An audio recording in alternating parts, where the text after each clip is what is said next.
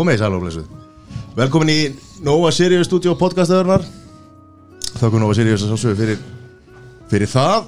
Uh, Páskandi búnir. Já. Nú bara sumarið. Sumarkroppið maður. Sumarkroppið koma. Er það komið eða? Nei. Nei, nei, Hvað hérna, hvað Má ekki segja. Þú, þú veist það? Já, ég get ekki sagt það. Miður.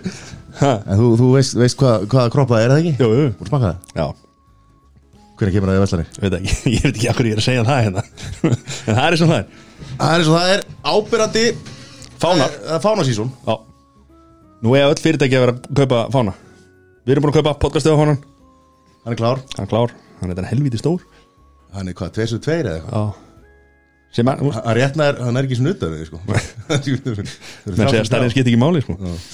Herðu, við erum komið góðan gest. Hugi Halldórsson, Takk fyrir að fá mig strókur velkomin. Takk, takk. Notar ekki Jensarann eða? Nei, nota ekki Jens Aran sko. Hvað, hérna Einhver Nú kem ég með Nú það? kem ég Nú kem ég að fjallu Hvað hvað er þetta? Þetta er búin að vera að googla hann eitthvað Já, ég náttúrulega bara fór í, í Nafnaskrá. bestu, heimildina, þjóðskrá. Já. Þjóðskrá Íslands. Já, einmitt.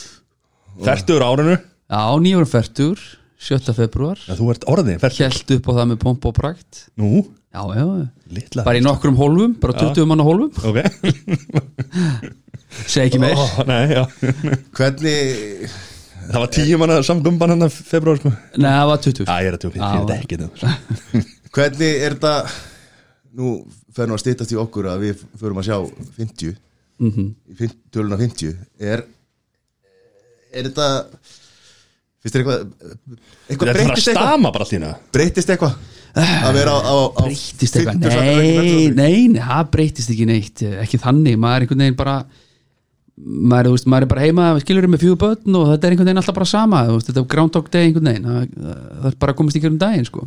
Já. þannig að nei, það breytist, breytist ekki mér finnst ég ennþá að vera 25 ára sko.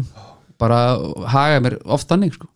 Já, það, Það er eina leiðin maður já, held það Maður er samt sko Þegar að maður var yngri Þá var saman fertur eða fimmtu maður. Já, Það er bara sko. alveg að deyja sko. Já, ég reyndar mætti hérna ungri stelpu og bíl á hann ég horfði bara, ég bara, shit var ég svona að keira bíl?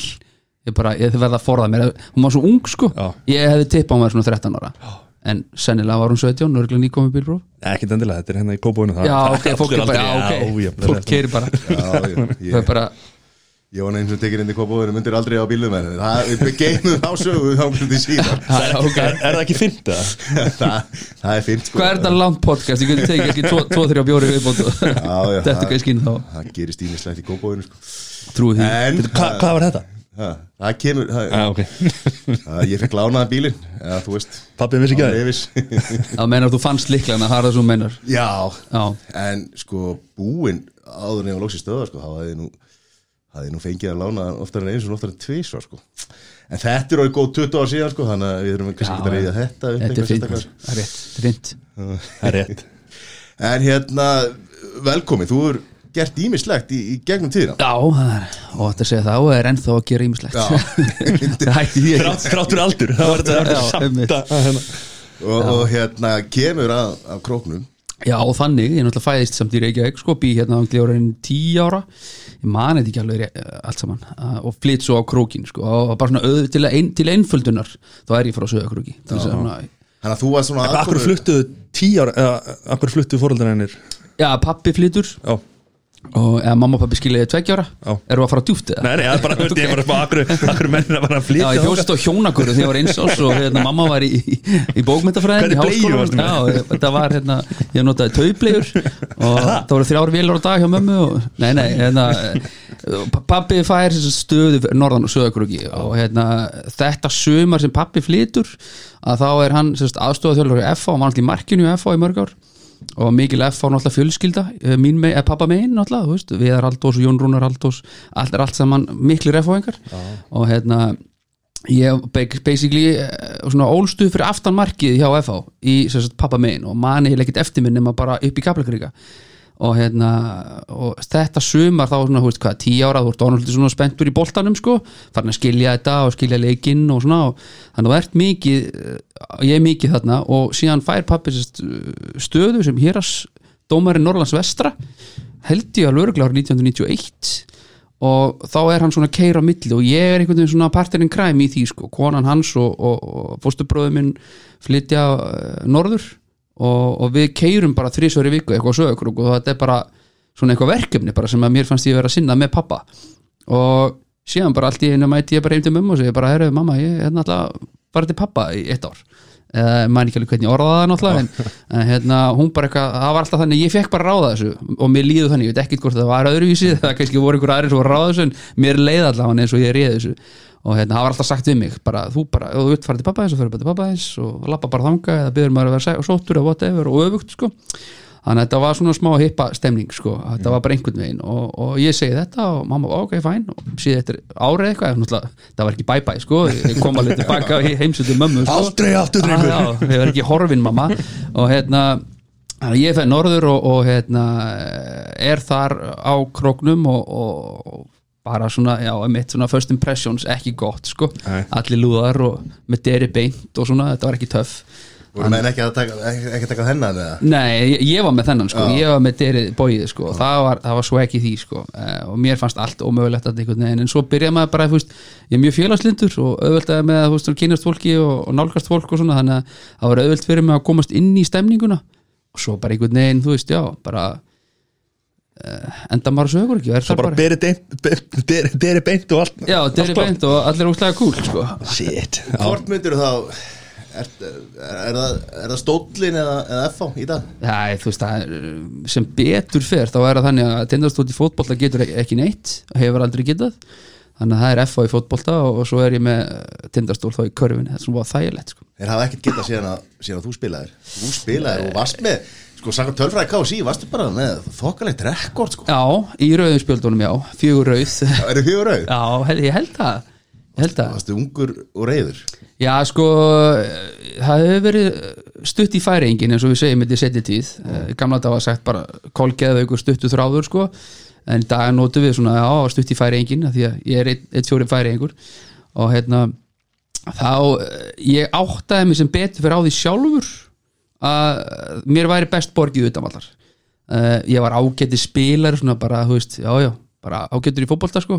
En ég let alltaf reyka mig út á svona 13. mínúta þannig að þú veist alltaf, þú veist, en ég hugsaði bara fyrir félagan það er best að ég æfi ekki fótbolta.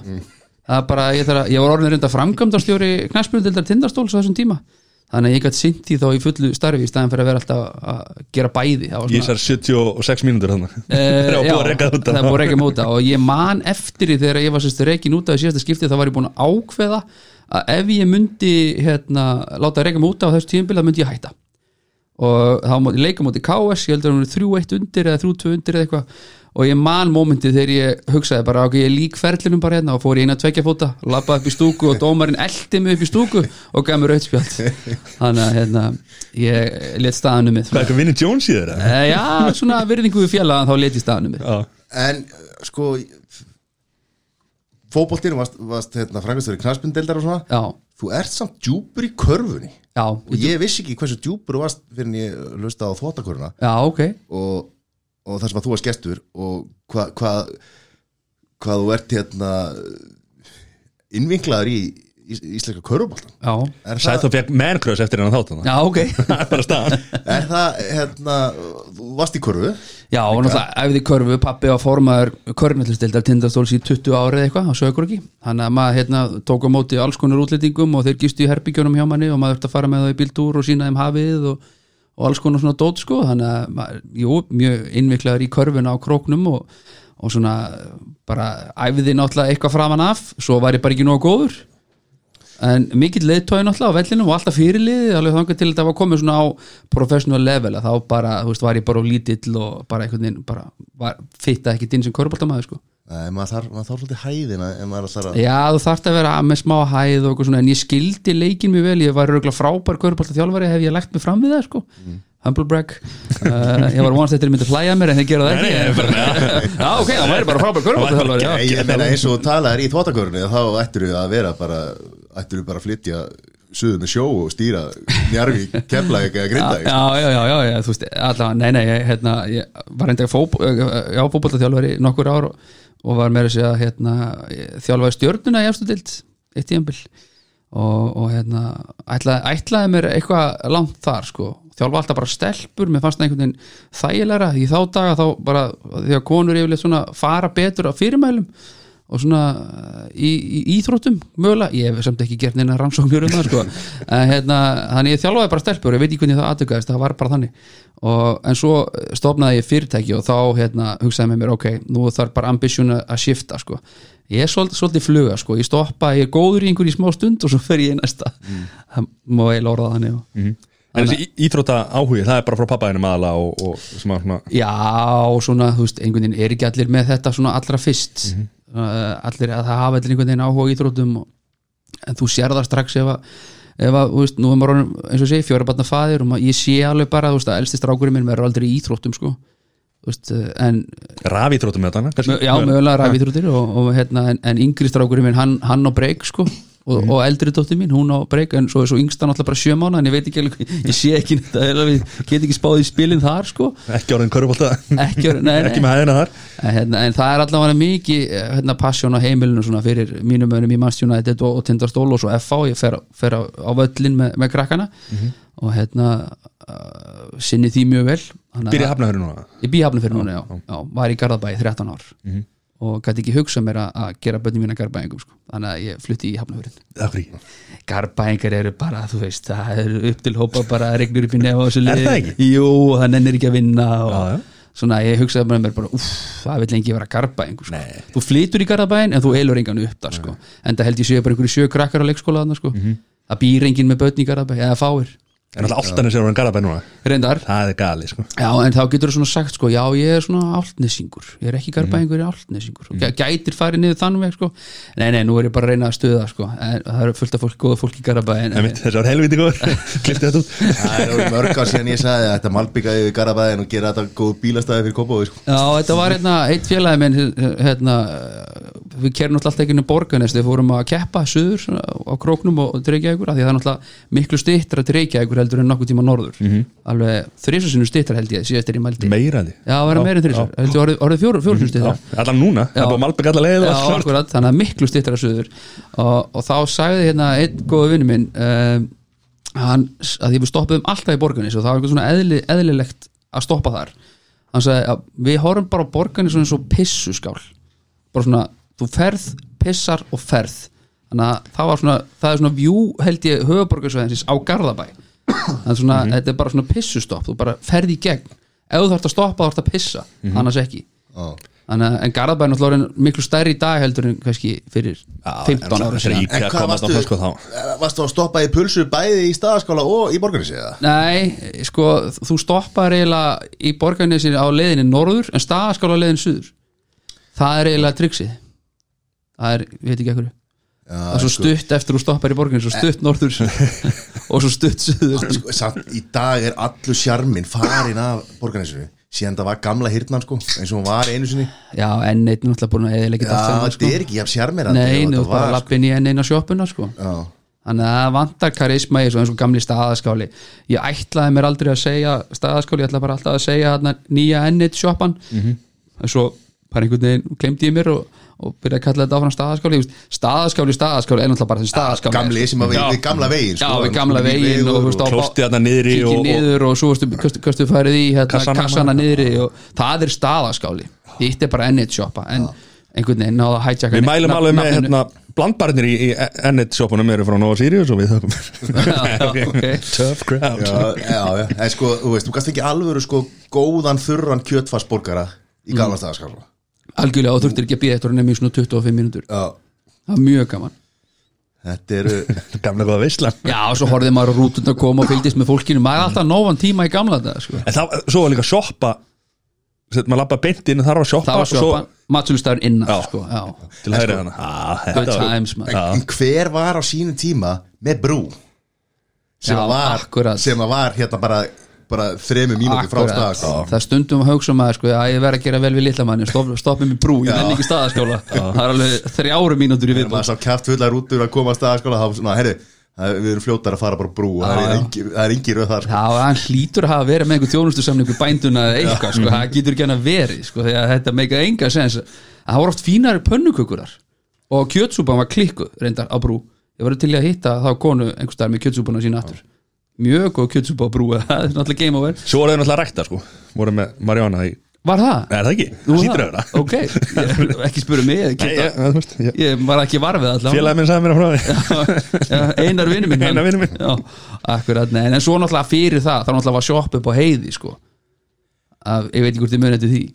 Nei, nei, það var sko svona 1986-7 þá var, manni hvað heitir þá var sjopp upp á heiði á Holtarheiði, já að halda allir þegar maður sér heiði að maður sé að tala um sko, hérna su- suður á Selfoss og hver ekki Já, já.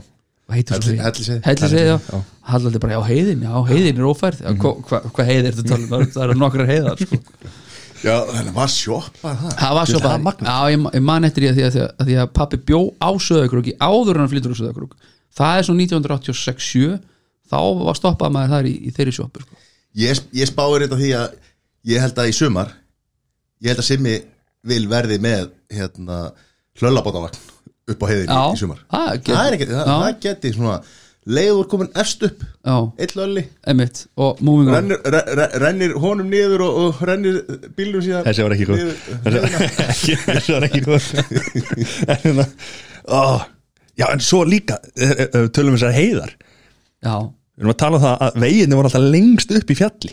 Jú, Svo er alltaf búið að færa þetta allt niður núna. Já, já Ég skil ekki hvað hérna Hvað er þetta að segja að maður fyrir fram hjá heiðinni eða hvað? Nei, þú veist, veginni í dag er alltaf bara Þetta í gamla þegar maður er að keira hana Þá er þetta bara lengst upp í fjalli og maður er skítrættur Já, bara möl. Já, og er sumstaðar en þá náttúrulega en ekki á þjóðveginn svo sem en, en þetta er geggjar um, um Já, þetta var gaman þegar maður var að ferðast yngri sko, að maður til malavegum og reykt í bílnum og allt þetta ef, ef þau eru að pæli því sko.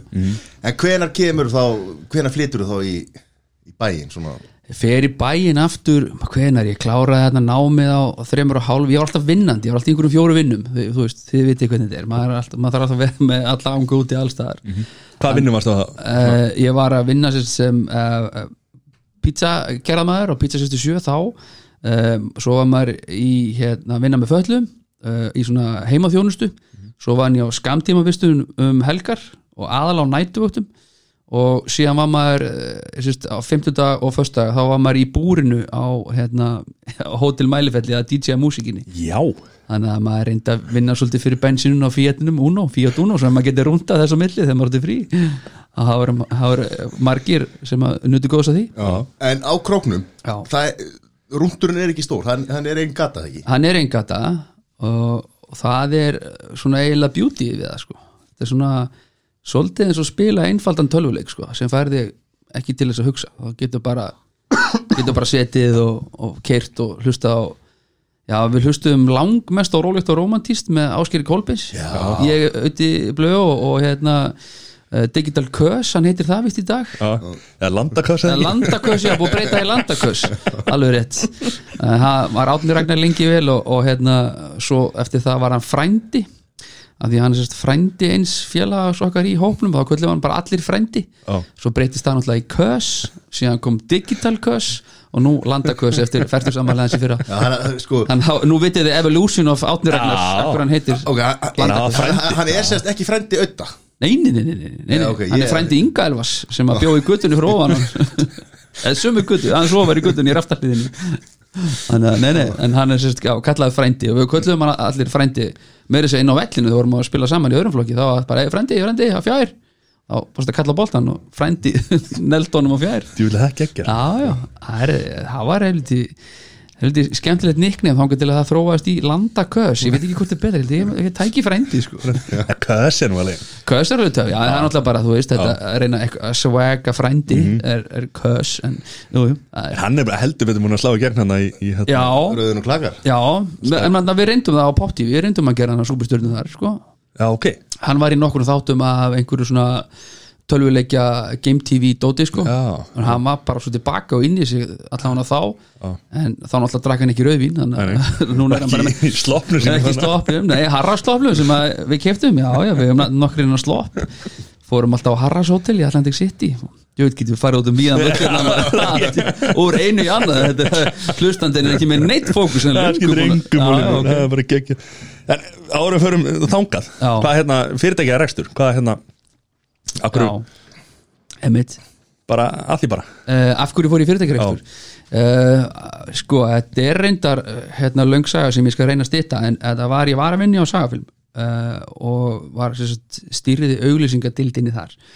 Og hérna vorum að gera hellinga flottum auglýsingum, allar þessar síma auglýsingar með Judas og þetta sem þið muni eftir með Jónik Narr og, og svona og, og hérna, maður var svolítið að gera krem til að krem og þú komst ekki terra þetta var eiginlega svolítið búið og ég var í fótbolt á föstudöfu með manni sem heitir Örd sem var einu svona formar uh, HSI og hérna, hann var að selja fisk.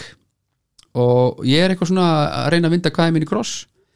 Og hérna við einhvern veginn svona erum eitthvað, gerist bara eitthvað. Og hann segir bara ákvöndu bara að vinna hjá mér.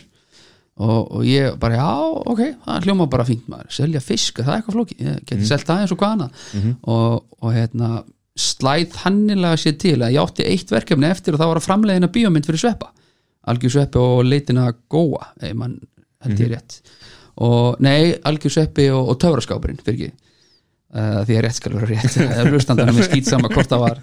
Og hérna Það gær sko. Já, akkurat. Og, og ég einhvern veginn er að framlega hana fyrir hann og, og Braga leikstjóra og, og hérna uh, ætla mér síðan að taka mig bara sumafrí og, og byrja svo að selja fisk bara að um haustið eitthvað, það var svona planið síðan kemur eitt gamall félagi minn og í millitíðinni og hérna uh, spyr hvort ég geti framleitt fyrir hann eina serju, sjómaserju ég er bara eitthvað, já, já, hvernig er það búið og eitthvað og, jú, jú, eitthvað svona, veist, því að við höfum unnið á þau saman veist, að að tekin og í strákonum og, og svona fleiri þáttum sem við gerum og hérna, ég segi eitthvað, jú, ekkert mál bara, ég get alveg blómum og bætt maður, elsku kallið minn minnstamáli síðan allt í hennu um, detta inn bara alltaf fleiri og fleiri verkefni á mjög stuttum tíma og ég allt í hennu átta mig á því bara, herðu, þetta er orðið að fyrirtæki þetta er ekki lengur einhver vínagriði við erum komnir út í fyrirtækjarekstur við erum bara, veltan er orðin hérna einhver 80 miljónir á no time og veist, árið 2011 sko. Og hérna, ég er bara eitthvað wow, þetta er, þetta er helviti mikið. Og ringi í Örn, vinn minn, og segja hann að ég sé búin að stopna fyrirtæki og að þarf að finna sér annan mann til að selja fisk. Og síðan bara, já, fer það áfram og, og hérna var einhvern veginn alltaf uh, uh, harð ákveðin í því að ég myndi ekki gera þetta einn. Og leitaði í svolítið stund að einhverjum svona strategic partner heitir það og endaði á Sim og Jóa. Og hérna það er svona, veit ekki hvað fara djúft en, en hérna áttum ekki alveg hvort þetta sé sálfræði tími eða skemmtir áttur en hérna ég fer sagt, og fæ þá inn í þetta og, og við hérna við það í rauninni breytist þetta allt saman. Þetta er allt í nörd komið með miklu meiri og stærri svona metnað og, og, og svona já, þú veist, við erum að framlega kannski 14 sjómaserjur sko sem eru þá hátt í 80 sjómastættir á ári, mjög, mjög mikið á þessum tíma, vorum alveg vorum bræðtegund mánaðarins helviti lengi. Og hérna, því að í þessum bransa þá er svona sérstaklega auðlýsingum og í tífi og svona það ertu bræðtegund mánaðarins í einhver tíma, svo fer, fara sjómastöður og fleiri að vestla við aðra og svona það kemur eitthvað svona, svona organísk reyfing á þessu og, og hérna nokkuð jöfn skipting finnst mér allavega. Og, og hérna, en alltaf bara einhverju tvei, þrý stóri sko. Og við vorum svona detta inn í það og, og síðan bara uh, hérna kemur bara eitthvað út af skrítið. Bara, ég get ekki alveg sett fingur á nákvæmlega hvað það er sem að gerist þarna. En það er svona, allt í hún er við bara að eignast fullt óvinnum og maður svona ok, eitthvað sem að ég er bara forast í lengstu lög sko, ég ég bara þekki engan sem er illaðið mig sko. En það er flöruglega samt fullt af fólki sko. Já.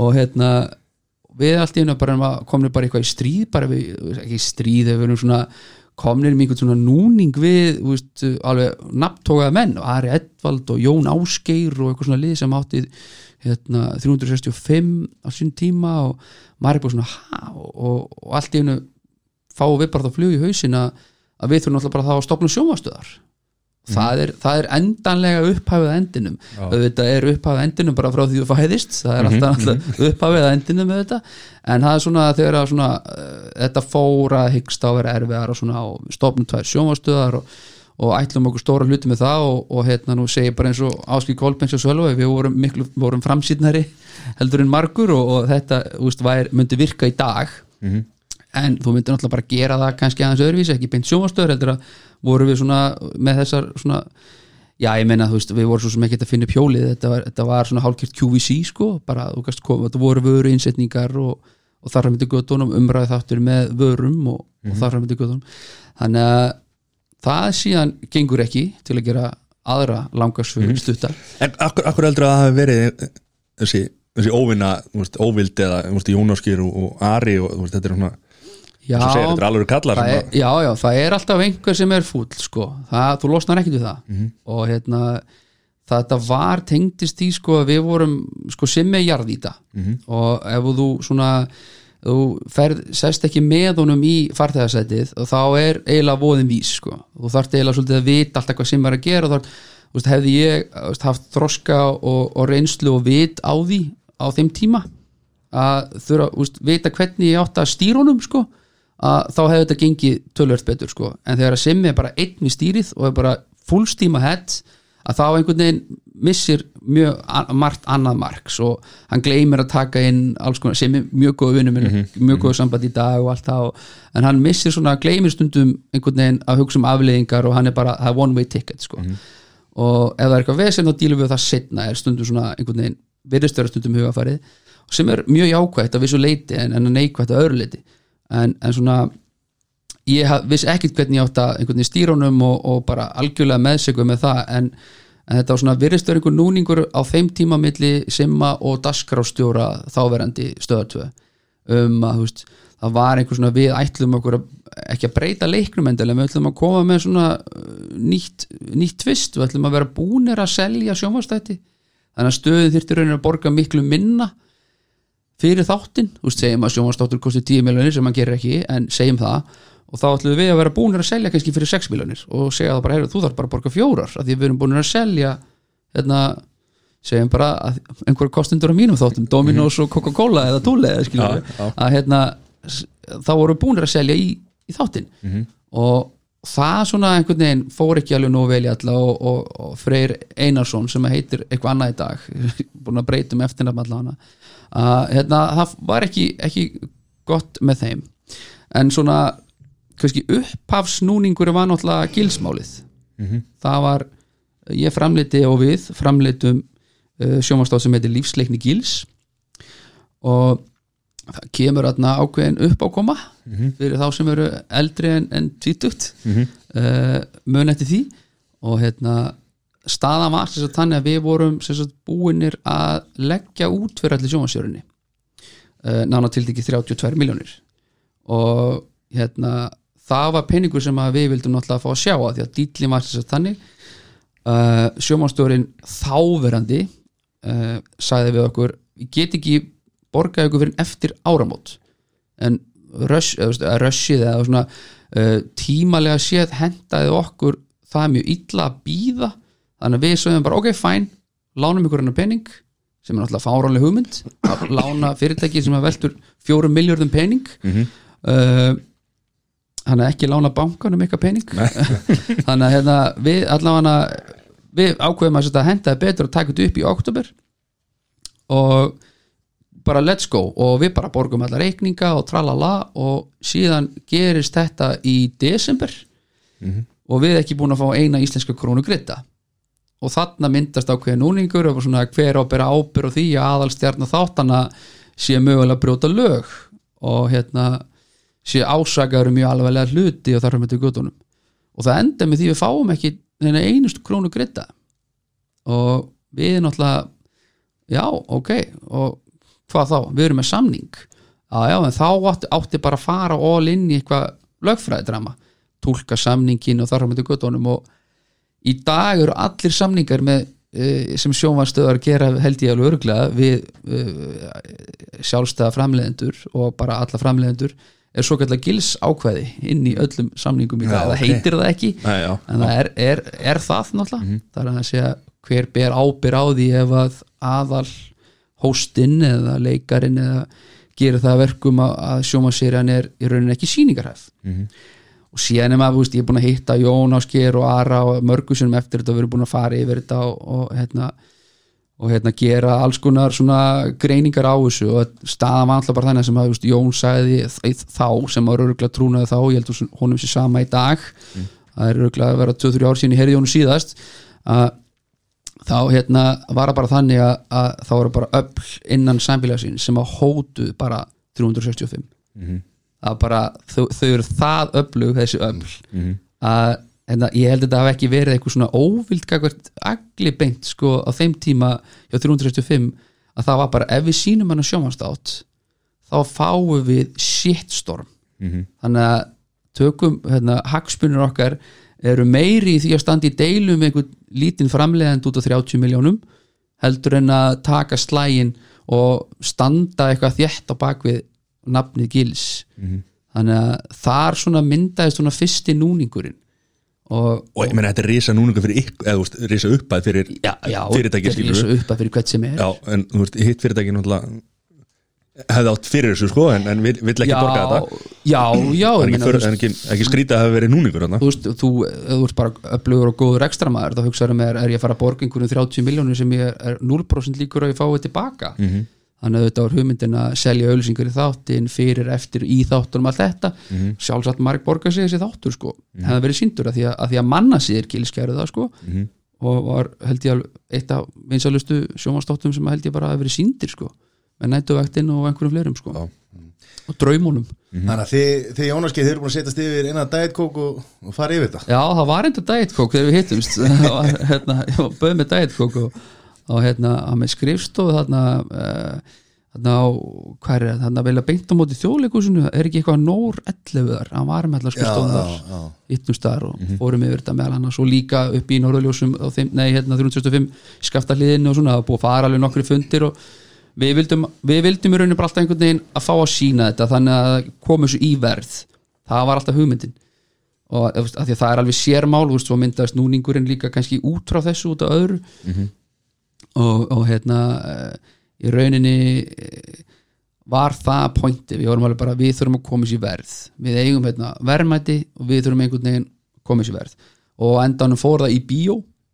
Og hérna, því að við náttúrulega, ég segi, við vorum búin að borga við vildum allt upp í topp, við vildum ekki vera þekkti fyrir það að borga ekki eða hvernig sem það var og við getum svo farið og þá eftir en þú veist, svo, en, svo endar hérna, þetta fyrirtæki mitt í, í bálabrand þar sem að ég þurfti að gleipa þá pillu að, borga ekki einhverjum sem að er einhver erfiðasta pilla held ég sem ég hef bara gleift og hérna en þá sagt var þetta þannig að við fórum með þetta í bíó og við fengum einhverjar 10-12 miljónum tilbaka eða eitthvað sem voru kærkomnar þá. Uh, en þetta var svona upphæð af einhverju svona allt og, og stóru sem að já, ég held að sé bara sangend að segja bara, bara ríð ekki við sko. Og það, já, en, ég meina þetta var ó, ótrúlega metnaðfullt og, og stórt.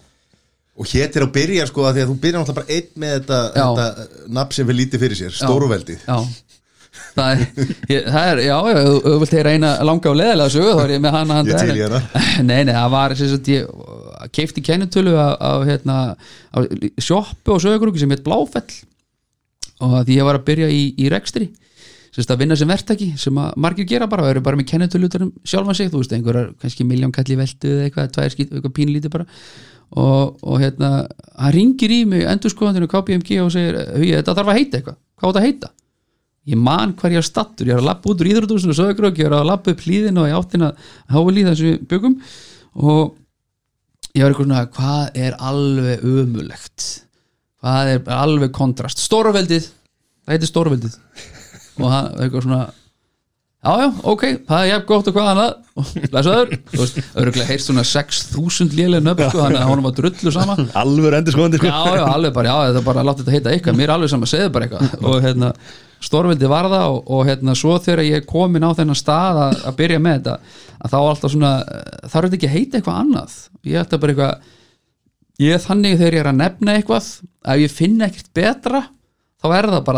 ekkert betra þá er þá er, þá er ert ekki með secret option. Þá er, þá er þetta bara það, alveg eins og þegar ég byrjaði með hlaðavarp sem að hétt Fantasy Gandalf. Mér varst nafni ekki nógu gott og ég leita og leita betra nafni, ég fann það ekki þá hugsaði, ég, "Upp, þá heitir þetta bara Fantasy Gandalf. Og það er ekkert við því að gera þá bara heitir það og þá bara venst það og, en nafni er basically bara algjörlega út í, út í lofti sko, það veist ég svo nefndi ég ekki að vera að skipta um nafna og svo eitthvað það er bara, það kostar 2500 gall sko, að skipta En Kostar var, 2 og 5 Já, að kosti 25 já.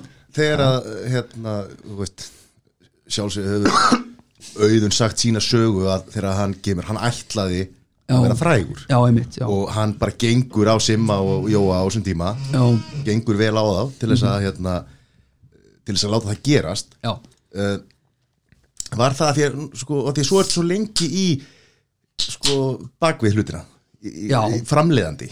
Að, veist, vildur, varst þú með þessa drauma um að vera fyrir framann kameruna eða Byrjar ekki sjónvarpið Overhugi, Jú, eða þú veist jú, þá er ég byrja á því sko, og, áður nú fyrir það Já, Segja, því að ég hérna, Hvað er það þáttur þinni? Er þú að stjórna þessu?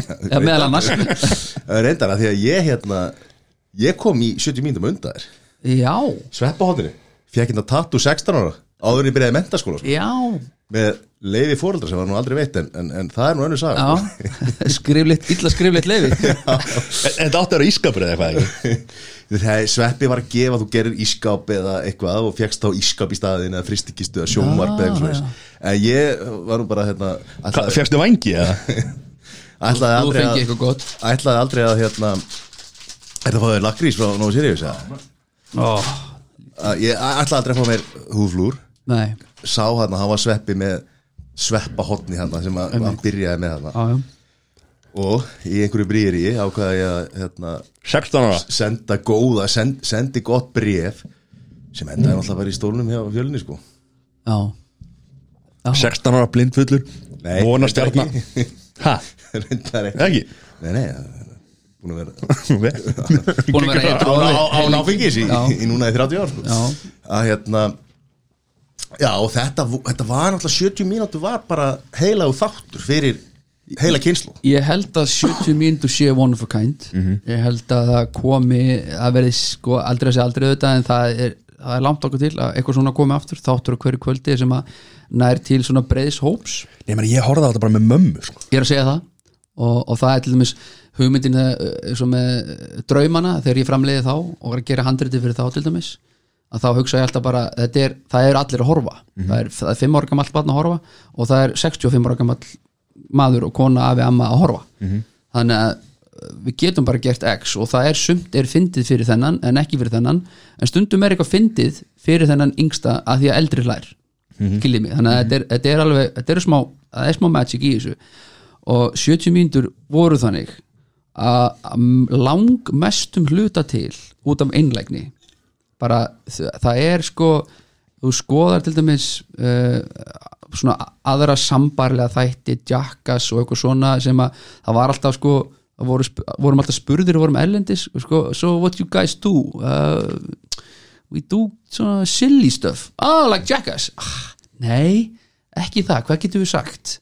Þú veist, uh, ah, hidden cameras uh, it's like a hidden camera show með töluvert betri ennsku en þetta en allt er geggjör já, já. og hérna bara því að ég var á fundi með Ítala í morgun og ég er alveg bara, þau þurft að tala ömulega ennsku svo hann myndi skilja mig sko. Því að hann talaði ræðilega og, en maður er svona, það held ég að 70 mínútur muni alltaf standa upp úr og svo ertu komin í sko uh, strákana sem að var ekki Wayne's Basement en eh, þeir sem að þekkja Wayne's World, þið veitir hvað ég er að meina og en voru samt alveg, þú veist, var alveg gott stöf uh, vorum ekki á föstu dögum reyndar uh, í, með strákana en vorum alla daga með 70 mínútur. Og, og hérna, þetta var bara ógæðslega gaman. Og að bara ég er ríkala heppin að fengi að kynnast þessu sko. Það er bara, er einn að fáum sko sem betur fer. En ég held að þessi innlægni hafi skilað þessu þanga sem þetta fór. Það er engin svona þú veist, margir sem ég segi ekki margir, en einhverju reyndi að koma með svona sambarlega þátt sko, að það var svona, svona þú sást einhvern veginn í gegnum að það var einhver töffaragangur sem að átt ekki þú veist, innistæði þannig að eins og til dæmis karakterin ofuru ég vildi ekki fyrir neina muni gera neitt af þessu. Hafði engan áhuga á því. Þótt ég hafa átt margar hugmyndina sjálfur þá hugsaði ég sko, ok, karakterinn sko, þannig að það er það sem að ég reyna alltaf að maldi móin með sko, veist, það er svo margir sem halda að ég sé bara einhver ofurhugi sko. Ég, ég er akkurat hinum megin sko. ég, við hef engan áhuga að gera neitt af þessu sem það var gert þarna. Þannig að ég er svona eh, svona, já held, held að það hafi fleitt þessum þætti dálítið langa vegalengt sko. Svo líka, þannig að ég held allan þó ég veit ekki um þetta veist, þá, þá er hérna að taka þetta upp í hérna, stúdíónu hjá íþrótta já, þú veist, í hátinu eitthvað neginn, þú veist, þetta var einhvern veginn svo hrátt og það verður að gera mikið úr litlu. Já, einmitt. Svo þegar þetta færist yfir á stöð 2 í strákana þá er þetta orðið stór þáttur meira budget og þá verður þetta ekki eins þú veist svona í, Já, sko, hann leit út fyrir að vera með meira budget en hann var það alls ekki Nei, sko. nei, var hérna um, við vorum svona ég held að myndast síðan ákveðin þreita bara sem að hlýtur að hafa bara verið eðlileg. Mhm. uh, við gerðum rúmlega þúsund þætti í 70 myndum ég hann reynda var nú ekki nema hluti af einhverjum 300 en það er tæpla og ég maður þegar við vorum að fagna þúsundasta þættinum og vorum alveg bara, það það var enginn þetta að gera þetta. Svo kemur alltaf bara áskil Kolbein skilur með sjáðu og var að gera 15.000 þáttin það er allt annað Já, já, það- það er long, longest running show in TV history, sko, held ég alveg öruglega Já. það guiding lights. Já, hann að hérna ég eh, þannig að ég held að það sem að gerði þetta, veist, svona þessi held að þetta er mjög, þetta er mjög falleg og organísk svona uh, sé, þetta ferðalag. Frá því að 70 mínútur fæðast og þangur til að strákvætnir hætta. Að mér finnst þetta, þú skoðar þetta og maður horfir yfir þetta tímabilum bara svona, það er alltaf útastátturinn fyrst að milli 7 já, og 10 þetta náttúrulega einmitt 7-10 Það er komið lægi, Mattias, ég er búin að koma með allt og oft. Hvað komið með það? Leif mér hérna milli 7 og 10 við erum hér fréttir og fleira við færum þér bestu lögin sem vera ber. Wapabalula barababay Já, ok. Þetta er bara, ég hlusta á alla gert. þetta er eina sem mann sko. Já, það er svo þær Móno náðust ekki að söða ykkur sko.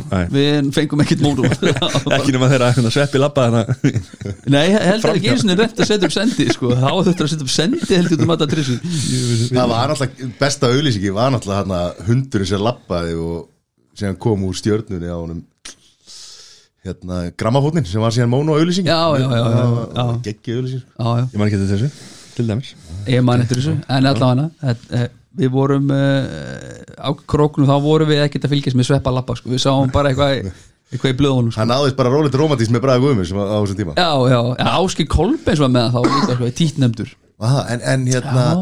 Hvað Nei, við vorum búin að fara Ég ætla að segja ekki, þú væntalega varst límdur yfir Dr. Love á sínum tíma Nei, ég hlusta ekki það var ekki Pállóska með það? Jú.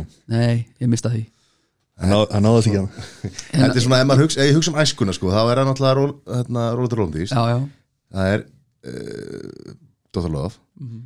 Það er Baywatch, X-Files og 70 mínútur já, Þetta er svona he- heila heila á sko. X-Files. já X-Files, já, ég er, teng, tengi eins við það ég horfði aldrei á það Nei, ekki byrja á því sko Nei. bara, maður mætti maður mætti skólan og það var verið að ræða 70 mínútur í gæði sko. Já, ég mynd Og svo byrjuður á því sko endur síndu klukkan 6 á mótnana sko. Það var, það var sem er að- ákveðið bold move sko því að það voru margir fóreldrar sem voru að kvart yfir í sko að það væri gróft fyrir yngsta hópin gott og vel, alveg bara no taken sko. En þá, þá sýnur þetta kannski ekki klukkan 6 þá voru krakkina voru vakna fyrir allar aldir til þess að horfa á endur síningu hjá stöðu 2 áður en það fór í skólan sko að því að mátti ekki vaka til 10 en kveikti þetta svona áhugaðin á þessum geira, þú fer, ert síðan í sagafyrum ert síðan hérna, framleiðandi á þínu eigin fyrirtæki, kveikti þetta að- að að koma þarna inn í 70 mínútur, kveikti það í þér varandi Já, verðum við ekki að segja það sem sangætt að segja það? Þú veist, þegar ég er á króknu þá hefur við ekki hugmyndu hvað ætlaði að verða sko. Leið og atvinnum maður í fótbolta dæmi, um leið og sá, sádraumur dettur þá, þá bara kom aldrei einn annar draumur. Það, bara, það datt engin annar draumur í staðinn. Þannig að hérna uh, ég fer náttúrulega söður, ég fer í nám og, og hérna, er að sinna því svona eftir bestu getu á, á þeim tíma. Og, og er síðan svona náttúrulega bara eins og langflestir að horfa á 70 mínútur á kvöldin sko, maður lærið til svona 10-ish og þá lokaði maður bókinni og þá var ég í lögfræðinni og síðan er þannig að ég vinni yfirleitt best þegar á að vera slögt á heilanum sko, þegar hann á að fá kvíld þá svona fer, fer minn í gang en, en eitthvað öðru sem hjá öðrum sem betur fer að hérna þá settist ég niður og skrifaði hugmyndir bara sem að ég fekk fyrir þáttinn. Algjörlega bara, þú veist, bara fyrir mig sko, ég var ekkert að hugsa um þetta neitt fyrir neitt annan. Og svo það, kemur það upp í einhverju tali að ég náttúrulega þekkjumst mjög vel og, og hérna, hann er eitthvað svona já, það eitthvað svona æ, og þú veist, auðvitað tekur alveg svona tíðinbila sem hann er alveg þungur sko, sem að bara margir gera. Og það er eitthvað, æ, það er eitthvað lélegt að fá einhver hugmyndir og eitthvað svona eitthvað hugmyndir. Júhú, uh, ég með nokkrar. Ok, flott, já, já, hittumst hérna bara eða eitthvað, bara, hvernig er þetta fyrstæðin bara, fyrsta mass fyrstæðin fyrsta mass 19, 2000 og eitthvað. Ég þarf að finna út úr því. Ég man það var fyrsti mass Og hérna, Það björnsins. Já, akkurat. Og, og hann bara hitt okkur hann í mjótinni Og tóku upp hann okkar faldamyndalar þar í gegnum gleri og niður. -hmm. Og ég, þá var ég að hitta Pétur og Sveppa á fyrsta skipti Og, og hérna Sýnið þeim bókina mína Og þeir alveg bara What? Hva, hvað er þetta að gera? Þetta er leikur það er ekki læg með þennan gæja þetta sko. er þetta vinu þinn og ég er bara eitthvað, já ég er bara búin að drýta einhverju niður hérna og mæti bara með doðrand af hugmyndum þeir bara eitthvað þetta er bara flott maður, tökum við upp alveg núna ég bara, ha, núna? já, tökum við upp maður sjá sveppi flettir eitthvað hérna í gegn og, og kíkir eitthvað enna, þetta fyrir fram að fólk, það er flott. Og ég bara eitthvað, ok, bara núna já, bara niður með þig. Og við tókum bara upp falda myndavel bara svona 11 mínútum eftir ég mætti með hugmyndir. Og ég var bara, svo, hún var sínd bara held ég um kvöldi því að var nefnilegt þannig að þegar það var, hérna, það var season e, í hugmyndavinninni að þá var bara það sem að tekið mig upp um daginn og bara sínt um kvöldi sko. Og hérna, og það var nú eiginlega oftast þannig en, en svona menn, þegar menn nefndu ekki endur sína kannski þriðu földu myndavelin í röð vegna mikillar eftirspurnar sem að var engin að hérna að þá var þetta sínt um kvöldi og, og bara sjónastjóri potti vil bara hitta mig eftir helgi. Og þá er Sveppi er að fara í feim hérna um sumarið, leikritið og spyrir hvort að ég sé til í að hérna, koma inn eða svona með einhvers konar svona hugmyndagægi og fá að nota eitthvað þessum hugmyndum sem ég hefði skrifað niður og, og mögulega veist, gera eitthvað fleiri falda myndavelar og ég er bara eitthvað, á, bara minnsta máli og ef ég mani þetta rétt þá bauð ég mig meira segja fram. Eða bara, heyrðu, ég kem bara á mándaginn og byrja bara að vinna þetta og þú þarf ekki að borga með neitt. Og ég held ég að mætt frítt uh, þangað til ég fekk borga sem ég held ég var 1. júli þá fekk, Já, ég- ok. fekk ég borga og en ég mætti þess að frítt frá mass og hérna gerði bara, mætti bara hætti bara í náminu og byrjaði bara að mæta alltaf upp á og bara, bara frýtt og bara Já, áhagamál og, já, og það var bara gaman já, bara var bara ekki svona umpenning sko. Mhm. og hérna það var bara mjög ánægilegt að það skildi að tekið minn og Dýrmætti skóli dýrmættu skóli og ég held að þeir hafi líka sko, sem stjórnu stöðun á þeim tíma svona séð bara, já ok, þetta er alveg gæi sko. Mhm. hann, er, hann er, er no bullshit sko. hann er tilbúin til þess að fara all inn í þetta og svo fer sveppi þarna sem sagt, í þetta feim og, og ég svona svona morfast inn í þetta hægt og rólega. Og, og hérna er kem allt í henni síðan inn í og ég man að sveppi var alltaf að koma eitthvað aðeins einstakar sinnum bara svona, svona guest appearance eiginlega ja. um sumari sko. Og, og hérna við fórum svona eina ferð upp í vatnaskó þess að taka fullt upp. Og þá verður ofurhýði til. Já, ok og upphafleg hugmyndin af þessu ofurhýði að því að við svona vorum ekki alveg vissir hvað áttum að kalla hennar lið en vorum eitthvað svona að pæli að ég geti verið með eitthvað sérstakann lið.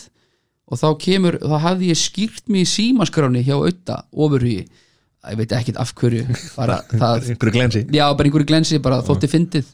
Og að því að það er líka svona uh, mikill kontrastur í því sko, að ég er alveg mílum frá því að vera það. Og hérna uh, þá bara ákvæmlega þetta bara ofurhuga og ég er, að taka upp atriði, ég vona að sagði sé ekki óleðileg Nei, nei, nei. nei, nei, ég er að taka upp atriði í vatnaskói þar sem er, ég fæ kassabíl lánaðan sem á að renna út í uh, hérna, þetta heitir hérna kalda vatn hérna, ég man ekki hvað heitir. Það heitir eitthvað, skiptir ekki öllu. Og ég er svona, herru, já, ég er náttúrulega ekki með henni önnum föt ef ég skildi detta út í vatnið. Og þá segir einhver, það er, það er galli inn í poptíðjöpanum ég er bara eitthvað, já, ok, flott. Labba upp, upp sæk, opna poptíðjöpan og þar blasir við mér gulur galli. Kill Bill. Gallin sem að þeir höfðu verið að nota vikunni áður sem, promotional efni fyrir Kill Bill 2 Já, þú veist þá voru þeir að mæta einhverja forsýningu eða eitthvað í göllunum eitthvað, eitthvað svona síðan hérta að mæta og taka myndir og auðvitað sveppi í, í gulum göllum. Og ég eitthvað svona, já, herru, þetta er bara fínt. Ég, þá get ég farið úr gallabúsunum hérna á peysunni og verið í þessum gula galla og þurka mér með hinum gallanum. Það voru tveir sko, þá get ég þurka mér með hinum gallanum og fara svo aftur bara í mín fött og kert í bæinn nokkuð þurr. Og þannig sem sagt uh, kemur guli gallinn og upphaflega átti þetta sem sagt að vera þannig að uh, hugmyndin var að ég væri ekki að gera neitt sem væri hættulegt heldur ætlum við að íkja það þannig að það myndi lít út fyrir að vera hættulegt og ætlum að vera með svona dramatíska tónlist undir og eins og það gæti eitthvað komið fyrir en svo var fallið bara 40 cm sko. mm það, það var djókið sko. svo náttúrulega áttu við menn sér því að það er náttúrulega bara ekkit fyndið mm -hmm. eðlilega reynda þegar þú segir það og geta verið mjög fyndið Já, það getur verið fyndið í dag en fyrir 25 árum eða, eða 20 árum þá var það ekki og hérna að menn hugsaðu bara eitthvað "Eh, þetta þarf bara að að að fút í þessu, það það er að gefa þessu meira. Ég er bara já hvað meira að gefa þessu meira? Bara þannig rauninni ofurhugi er bara rýbrandað áskorun. Mhm. þetta er, Já, þetta er já. ekkit annað. Nei, nei, þetta var bara svona það sem að þeir voru kannski búnir að gera nefndi ekki að gera eða vildi ekki gera. Mhm. það enda í ruslatönnunni sem var kölluð ofurhugi. Mhm. bara branda, frábær branding. Já, og ofurhuga gallin verður síðar lofgúru gallin, næstu því. Já, ég veit ekki alveg hvað, hvað Dotti var, var að pæla þar en, en jú, jú, það, það er eh, jú, það, þú veist, ég hef náttúrulega ekki enga lifa á þessum galla, sko, það er með allir farið í hennar galla listir, sko, mér er alveg sama og klæði sig í hann og taka upp á Instagram og whatever. Var ekki kannski kilpila aðeins um það svo er líka það og, og líka bara gular buksur og gul peysa ég ég hef engan enga rétt á því og, og enginn hefur það Nei, það tröfla mig ekki neitt, sko Var ekki eina þorvar alltaf í markinu, gulubúsum Jú, var ekki. Jú, maður þröstur maður. Já, það var reynda tölvöld flottari buksur en ég fekk, sko. Var ekki hvítar rendur á þeim? Svört rönd á kilbyggalanum Já, en var sko hvernig, að því að við, við höfum fengið við höfum fengið simma og við höfum fengið sveppa og svona. Já. Var þetta ekki geggja tími? Þetta er held ég svona uh, Jú, En alltaf mikil vinna. já sko það er reyndar margir sem að halda að þetta sé bara eitthvað eitthvað lalaland sko, eitthvað tralala. En þetta er hellingsvinna og, og hérna við svona ég held að það hefði ekki verið döð mínúta sko. Það var, sko, ef það var hérna, einhver ágrinningur eða, eða leiðindi þá voru þau mjög skemmtileg. Það var svona það var einhver, yfirleitt simmin að búa til einhver svona leiðindin og skrifstofu og þá var það bara óslega skemmtilegt að því að sveppi var að svara honum og hlóðu við allir hinnir og við hefum óslega gaman að því. Þannig að öll leiðindi urðu einhvern veginn skemmtileg. Þannig að ég held, og eins og ég sagði í, í hérna, einhverju öðru vitali að hérna, ég sagði uh, að það kom ekki sko, ein sekúnda það sem ég hugsaði djúið verið að skipta um jobb -hmm. þannig að maður svona, vonandi verið þetta bara eilífu þótt að þetta vissir að það var ekki en maður hugsaði svona, ah, djúið verið gaman ef að maður væri maður geti dunda í þessu aðeins lengur. Fittur eitthvað að láta draga það einhverju Já, bíl í einhverju nei, bolli nei, eða þú veist, nei, nei, svo þetta kikkar inn ákveðin heilastöð sem heitir þroski og hérna, og, og þú áttar á því að þú veist, þú, þú, að, þú sért, sért þetta full, sé full reynd en við vorum alltaf að reyna að finna eitthvað next funny shit, sko og þá náttúrulega var, þú veist, interneti svona temmilega nýtt, sko. En, þú veist, jú, gæst notaði fyrir ammælisbók dagsins og svona, en, en allar svona all hugmyndavinna var miklu erfiðar heldur en í dag. Í dag getur þú bara, þú veist, follow eitthvað drasla á Instagram og YouTube og, og þú fær bara hugmynda bara instant. Og, en þa þarna var, þú veist, ekkert YouTube það var ekkert Facebook, ekki, ekki neitt. Þannig að þetta kom meira minna frá okkur sjálfum og, og ég man meira þessi eftir sko, hérna, ég fór einu sinni og gerði eitt atrið þar sem ég setti hlaupabretti í World Class á í botn og svo hljópi á fegi ferð og ætlaðist til þess að ég myndi ná löpunum já pratt og hlaupabretti væri en ég náttúrulega lendi á hlaupabrettinu og skust tilbaka sko á, á eitthvað annan hlaupabretti og hérna svo er maður séð þetta gerast skilur núna, eitthvað funniest home videos og margt, margt, veist, en ég fekk þessa hugmynd Já. að gera þetta. Uh, og ég myndi alveg segja ykkur að ef ég hefði stólið þessu Já, já, já. en þetta var bara hugmynd sem ég fekk og þurfti bara að gera, hafa bara helling fyrir því.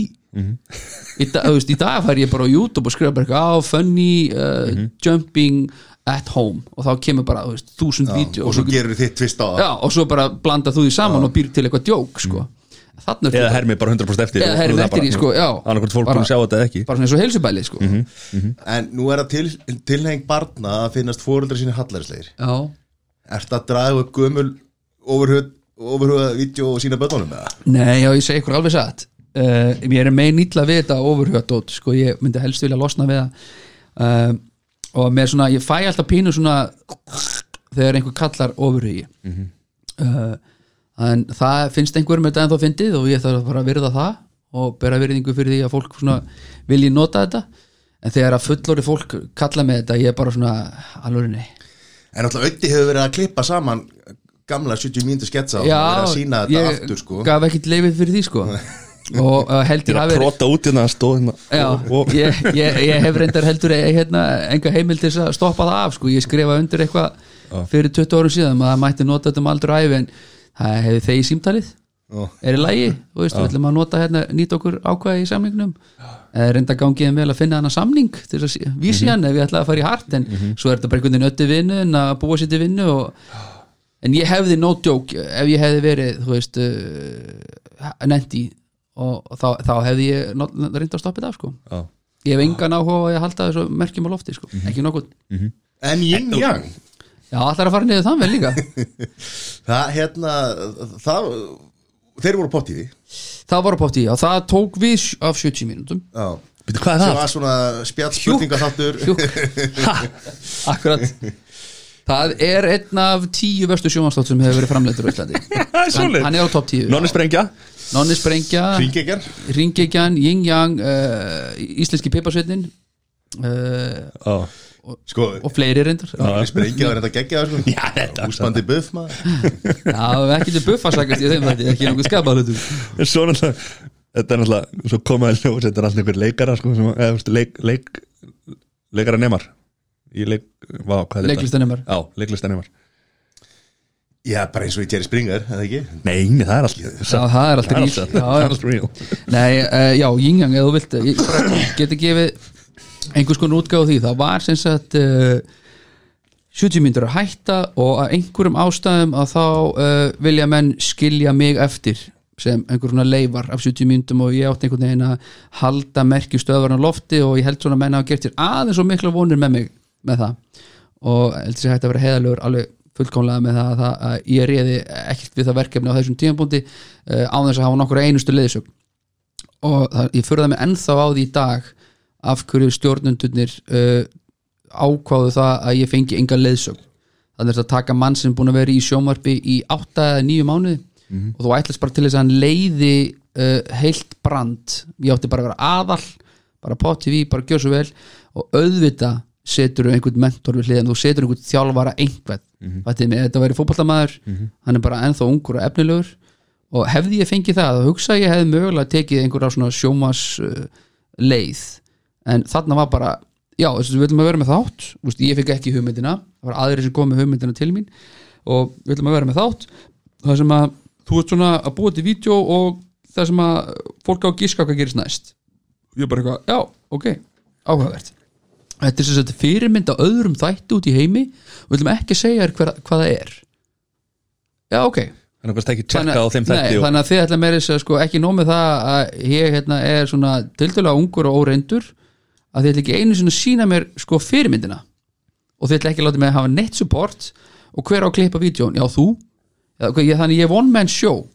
Það koma bara hérna uh, Máni Pétus og Elma minni mig að hún heitir, hún heitir Elma, ég minni mig bara ekki neitt minni, minni rétt uh, mann bara ekki hvað stóttir þau eru bara svona í heinu liðun og þau svo bara rettum við gestum. Viltu vera í yingjang í næsta þætti? Og ég hugsaði bara strax þetta er bara döðan sko. Ég hef aldrei eftir að púla þetta sko. ég úst, 23 fjóra og bara, úst, ég, ég hef bara ekki ég, ég, hef, ég, úst, ég hef ekki hvað heit, I, doesn't, I don't have what it takes. Og þannig að þeir veðju á rangan hestar og hérna Þeir sá náttúrulega bara stórveldi E EHF ráð Stórveldi sérum við það Já, ráð þennan gæja. Nei, að hérna eh, og það er auðvelt að viðkynna þetta í dag. Og reyndar hef þeim varandi það. En þetta var sagt spurningabomban sem að setna varð rip-off á öðrum, öðrum þætti sem að Logi Bergman og það er náttúrulega allt annað kaliber heldur en Hugi Halldórsson 24, Logi Bergman með 20, þú veist, 15 ára, 15 ára reynslu Svipaður í gæi. sjónvarpi, mjög svipaðir sko. En þetta er sagt Hann er öllítið herri Já, held að þessi eini munurinn. Uh, uh, og, og ég svona áttaði mig á því þá bara eitthvað svona ah, ok, þetta er góðu þáttur. Því ykkur vantaði bara réttan stjórnanda eða að stýra stjórnandanum í rétta átt, sín honum hei, við ætlum að gera svona þátt. Ef ég var að gera þetta í dag, þá myndi ég allan daginn veist, búa til stjórna því að í dag, þú veist, það er svo erfitt það, það eru svo fáið sem eru self-made. Það er bara svo ofbóðslega sjálfgeft. Í dag það þurfa allir svona smá svona, hvað segir maður, að þú þarft einhverja handbók einhverja, einhverja smá. Guidance Já, einhver sem getur sagt þér eitthvað herri, do's and don'ts, verður svona ekki hinsegin, þú veist, framkomið þjálfur, la la la. Þú veist, ég, þú veist, ég var fjórði maður í, þú veist, einhverjum grínþætti skilur og ef þú ætlar að taka hann og breyta honum í einhverju stjörnu þá þarfst að búa til einhverja tengingu eitthvað svona, eitthvað evolution það gerist ekki á einni nóttu sko. þannig að svona þannig myndi ég gera í dag, þú veist, eldri, og, eldri og reyndari Já, maður. og líka bara ekki láta þennan gæja að vera að klippa líka og, Já, og alltaf vera að dagur minn gera fór í það sko og svo bara, þú veist, tekið upp bara klukkan eitthvað þrjú eða fjóra daginn eða eitthvað og svo fór maður bara heim og sótti sér eitthvað og taktu bara og guffaði sér inn í gæðalóku og fór svo bara heim skilur þú veist. Þetta voru náttúrulega tímar sko, þarna er ná, þú veist, fyrst er að náttúrulega bara eiga sjónvarsmarkaðin Já, já. kemur stöð 2 upp úr 90 uh, og svo kemur Potti sem að verður svona gerir þennan gerir, gerir 70 mínútur og gerir eitthvað svona nýtt og svo er skjár einn að koma sér inn í þetta. Já, já. þetta hefur verið svolítið svona á þessum tíma sjónvarsmarkaðurinn á Íslandi hefur verið svona lausi í reip eða svona þú veist Já, geta alveg, geta alveg einmitt, þetta var óþroskaður markaður. Já, ég get alveg tekið undir það. Þú veist, þetta er svona þetta er Instagram og Twitter og, og, og Facebook síns tíma Já. í rauninni, þú veist, þú ert að búa til einhverja eftirspurn eftir afturreyingu og það text hjá PopTV með 70 myndum þú veist, þeir sína alveg, það voru alveg aðrir ágætist þættir þarna, Kenny of Spenny til með einu þættir sem ég mann mjög vel eftir. Uh, Skjár eitt reynir að fara svona niður svona höfða til svona íslenska hérna, voru með náttúrulega djúbulögina, þeir fara í ástarflegið þeir fara í pipar sveinin hérna og, og, og fleiri og fleiri þætti og svo kemur reyndar í ljós að þetta er allt stolen money þannig að það var, að, hérna, það var auðvelt að hendi alls konar íslensk stöf eða þú ert með, djúpa vasa sem að engin spyr síðan um hvað er fyrstu peningin gamli? Að Þú, þú eitthvað. Já, já, já, það, þetta var allt stólið reyndar og, og hérna, en nei, nei, þeir, þeir fengu þeir dóm eða, nei, ég held ekki. Man ekki hvernig þetta enda Jú, Aha. símamáli já, akkurat, já, Kristjára og, og, og félagar, þeir, hérna, eru veist, gengur bara mjög vel í dag. Þeir eru Eh, konu með eitthvað Já, það er bara eðlilegt. Þetta er bara, svona er, svona, veist, því er ekkert að dvelja við þetta bara, það, ég ætla ekki að segja það. Nei, bara, máli, veist, þetta er bara moving on, sko. Þannig að, já, ég er alveg sammála því að þetta var svona, svolítið sérsta tímabili en ef þú horfir samt yfir sjómasvið í dag þá ertu með eiginlega nákvæmlega sem er stöðu bara eiginlega, bara minna, sko. Það er, eða þú ert eiginlega bara með sjónvarp Símans sem afturreyingu, þú ert með stöðu 2 sem afturreyingu, svo er, reyndar, er það rembast með stöðu 2 plus svona gæti orðið eitthvað. Er svona, þú veist, þú spyrir mig ekki alveg nú góð eftirlíking á, á premium sko, og svo ertu brúf svo er bara s- samkeppnin um augun þín og aðtikli er bara gigantísk þannig að þetta er svona þú veist, þú ert- komið með podcast þú ert komið með veist, endalaust af samfélagsmiðlum sem að ég er hættur að þú veist, bara missa tölu við hvað eru margir ég stoppaði bara að telja í TikTok svo er komið eitthvað fullt fleira sem reynda kemur og fer og þetta er svona meira orðið þannig að fólk svona getur auðvelda sér áhugamáli sitt fundi sitt nýs. Ef þú hefur áhuga á stjörnufræði þá er úrslega auðvelt að finna út úr því. E, fyrir 20 árum þá hefur örugglega þurft að fara að bóka samt til þess að hérna, fróa því áhugamáli sko. Og ekki einhvern víst að Nei, ekki eins og ég víst að það væri til neinn bóku um stjörnufræði sko. svo bara einhver gæði sem heitir stjörnu sævar allt í náttúrulega til sko. en þetta var reynda bara lélitt dæmið en það Ljónharður já, já, ég var örugglega fýtt ná ekki aldrei hitt hann Já, þetta er eh, alltaf verið að keppast um augu. Ég er að segja það, og, og aðtigli og, og, og, Og Eiru og og, og hjörtu Hjörtu. Verða hugfangi og verðan náttúrulega erfitt að keppa náttúrulega við á Íslandsmarkaði að vera að keppa við YouTube og, og þessa Já, já. Sko, og svo náttúrulega Netflix og allt þetta sem er Já, vá. sem er bara komið á íslenskan já. Disney maður, Disney Plus. Disney Plus og þú þarft ekki eins og að fara inn að króka leið til þess að, ná í þetta eins og maður þurft að gera einu sinni. Á Netflix þá þurft að vera með eitthvað VPN, einhverja þjónustu og nú er þetta bara, bara í Apple TV-inu eða Android TV, TV-inu þínu. Mhm. og hérna og þetta er þetta er alltaf annað markaður heldur en hérna þú veist, en, en breyti því ekki að, að það sem að þið voru að gera á sínum tíma með, með 70 mínútur og, og þetta var náttúrulega bara algjörlega frábært sko, þetta var svo mikið Hvað er það lengsta spurninga heimi eða? þetta var svo, ég er að, ég er að segja sögu. Þetta var svo mikið svona innspytning í og svona breytti kannski pínu svolítið íslensku sjónvarslandslæði Já, þetta var svolítið svona þessi afþreng sem þú leitar eftir í dag sem þú ert að skróla í gegnum í dag. Svona þegar þú ert að reyna að finna eitthvað til að drefa hugunum þú veistu, 70 mínútur er náttúrulega fullkomið til þess að þú veist, drepa tíman, slökk á heilanum uh, þú veist, svona þetta þetta sem að raunveruleika þættir gera í dag þetta feed me, ég veit ekki hvort að fólk tengi þegar ég að segja feed me þá veist að þú vilt ekki hafa fyrir því þú vilt ekki horfa á flókna morðgátur. Þú vilt ekki uh, fylgja einhverjum flóknum söguþræði gegnum einhverja bíómynd og þetta bara, heyrðu, lát mig hafa friends please, bara eitthvað sem ég skil og það kemur svona pönslan inn á milli og ég hlæja og svo sopna ég. Það, það gerði, það rúm fyllt í 70 mínútur uh, bara al einir, áttu bara sviðið. Það var engin annar, þú varst ekki að keppa viðnið í þessu? Það var engin steindi á MBL TV skilur sem að reynda var svo. En veist, og það var engin, þú veist uh, voru engin podcast til þess að hlusta og þú veist, var alltaf að vera grín eða það var ekki, veist, í þessum flokki var engin keppni um hlátur eða afþreyingu í rauninni eh, fyrir, fyrir þennan markóp en svo náttúrulega eins og ég kem aftur inn á er að þegar þú nærð utan um svona stóran markóp sem að getur saminað í eitt þá náttúrulega þá ertu, þú veist, já, já einmitt, þá ertu bara Simon Cowell, skilur hann bara býr til X-Factor og, og skilur og hann bara næra samina áhugamál mjög margra. Þú veist, hann er með tilfinningarung, hann er með söng hann er með production value hann er með sögur á baku hérna, keppendur þú veist, einhver þú veist, og, og nýtir sér alveg, hann, hann er bestur í heimi í þessu sko, hann er alveg Slísi já, já, já, þú veist, þú sér líka bara þú veist, hann, þú veist, bara, já, bara sem dæmi þú veist, bara segja bara, heyrðu hérna, ok, þetta er ekki rétt lag fyrir þig, heyrðu, syngdu þetta hérna, ertu með eitthvað annar lag, já, ok, og, og hvað dó pappiðin og krabba minni, já, hugsaðu um hann það bara, já, og þá bara Cry on every time I feel you og það bara, þú veist, skilur hann er stillingur í þessu og, og hérna, ég hef oft hugsað þú veist, uh, uh, ég, ég ætla ekki að segja ég sé Simon Cowell en ég svona, ég held að minn kannski besti eiginleiki uh, er að raunin að vita hvað fólki vill. Það er svona, ég held ég sé alltaf góður í því. Og talandi um það, já, draumarnir. Draumarnir, já. Úff, Hvað hérna, hvað uh, hugmyndin? Er það þín eða er það Hvernig, hvernig verður svona sjónvarstáttið til? Já, nú eru margir sem eh, eru sennilega ekki að hlusta uh, ekki sammála mér. Um, sko, þetta er náttúrulega byrjar á því að uh, Sveppi og Villi og Öddi og Egil fara hringin í kringum Ísland sikkura leiðina, Já, já, kallaði hringin Mhm. og þeir fá stig út frá því að taka myndir af sér fyrir framan kirkju og eitthvað svona Mhm. og hver, hvar, hvar byrjaði sú hugmynd? Eða, þú veist, hver, Sú hver hugmynd, byrjaði með það? ég veit ekki alveg nákvæmlega hver á hana já. en það er svona einhver samstagsverkefni þeirra sem tóku þátt í henni Mhm. en þar á undan í strákunum á ég hugmynd uh, að einhvers konar svona spúffi Amazing Race Mhm.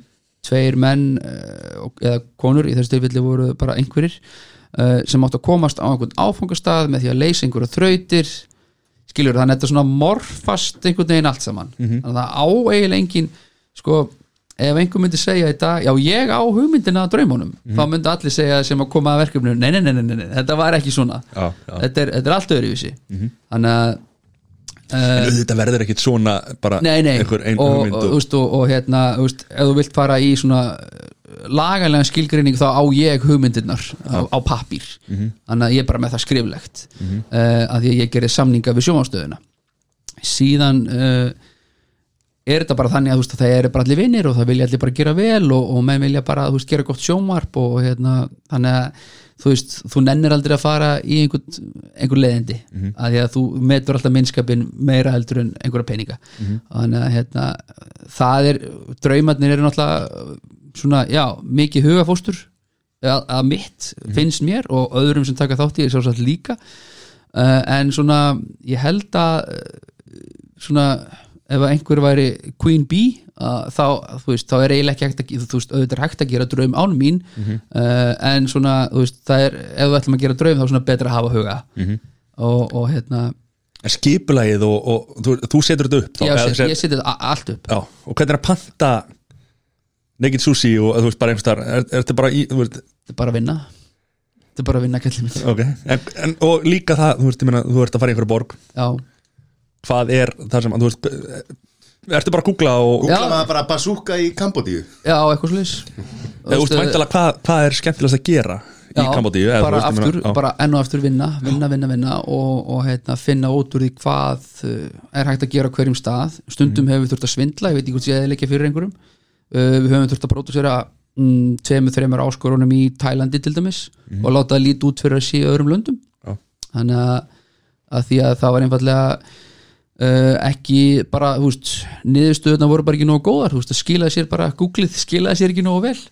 Og staðan í rauninni með það er að þú svona nærða uh, einhvern veginn að búa til einhvers konar ferðalag sem að er einhver, einhvers konar draumur og fólk sem er heima myndi náttúrulega þú veist, ekkert endilega fara í þetta ferðalag en það myndi mögulega vilja samt fara í ferðalagið en ekki gera það nákvæmlega sama. Þú veist, borða snák í Vietnam og, og eitthvað svona fara í snákabæði Tyrklandi þú veist, og þar, þess, þessar áskonir fólk myndi svona sleppa þeim.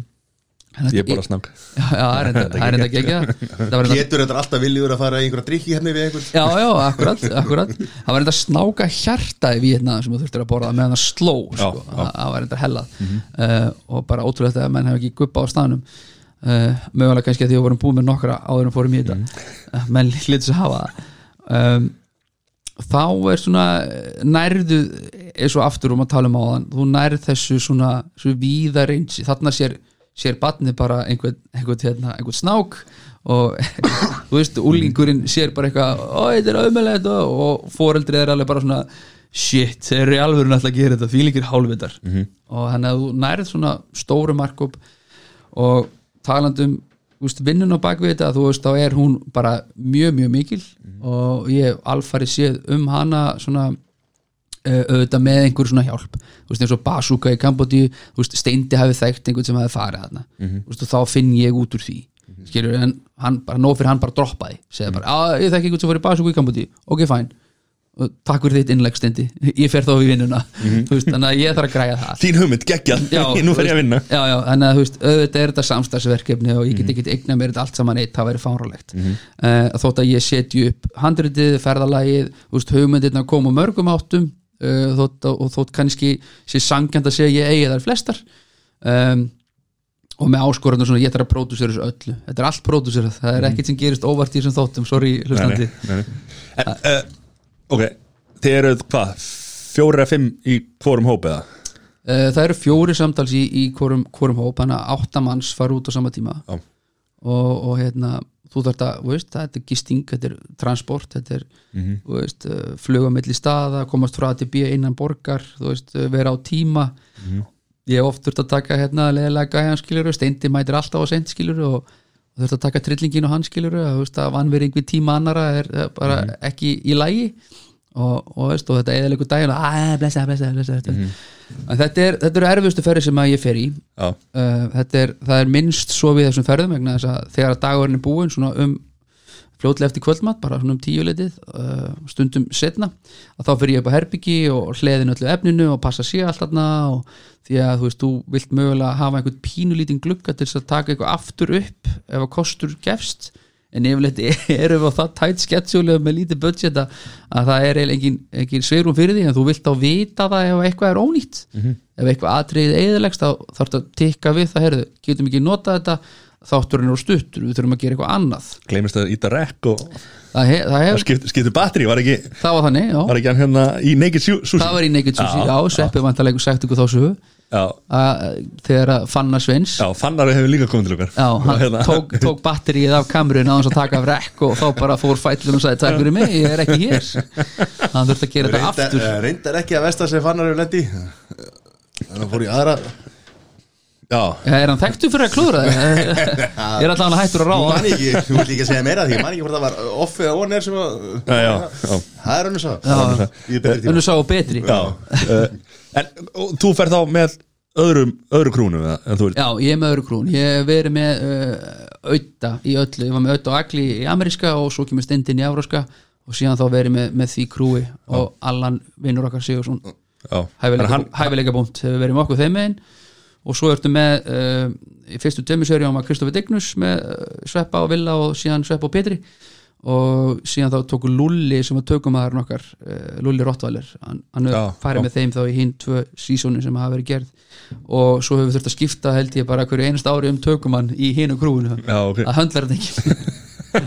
Er En einhver, er hann þá pródusent eða þú veist hvernig Já. hinum einn, já, Já, já. er producent hinum einn og, og hérna, svona executar sko í rauninni það sem að ég er kannski búin að læna upp. Já, já, og, og svona, já þannig að bara gott, mjög gott samstarf og ég held að allir séu glæðir og, og ég skil ekki ekkur ekki gera draumar á hverju ári. Er, er nýr draumur á ekki svo ég veit til, nei, Nei. nei.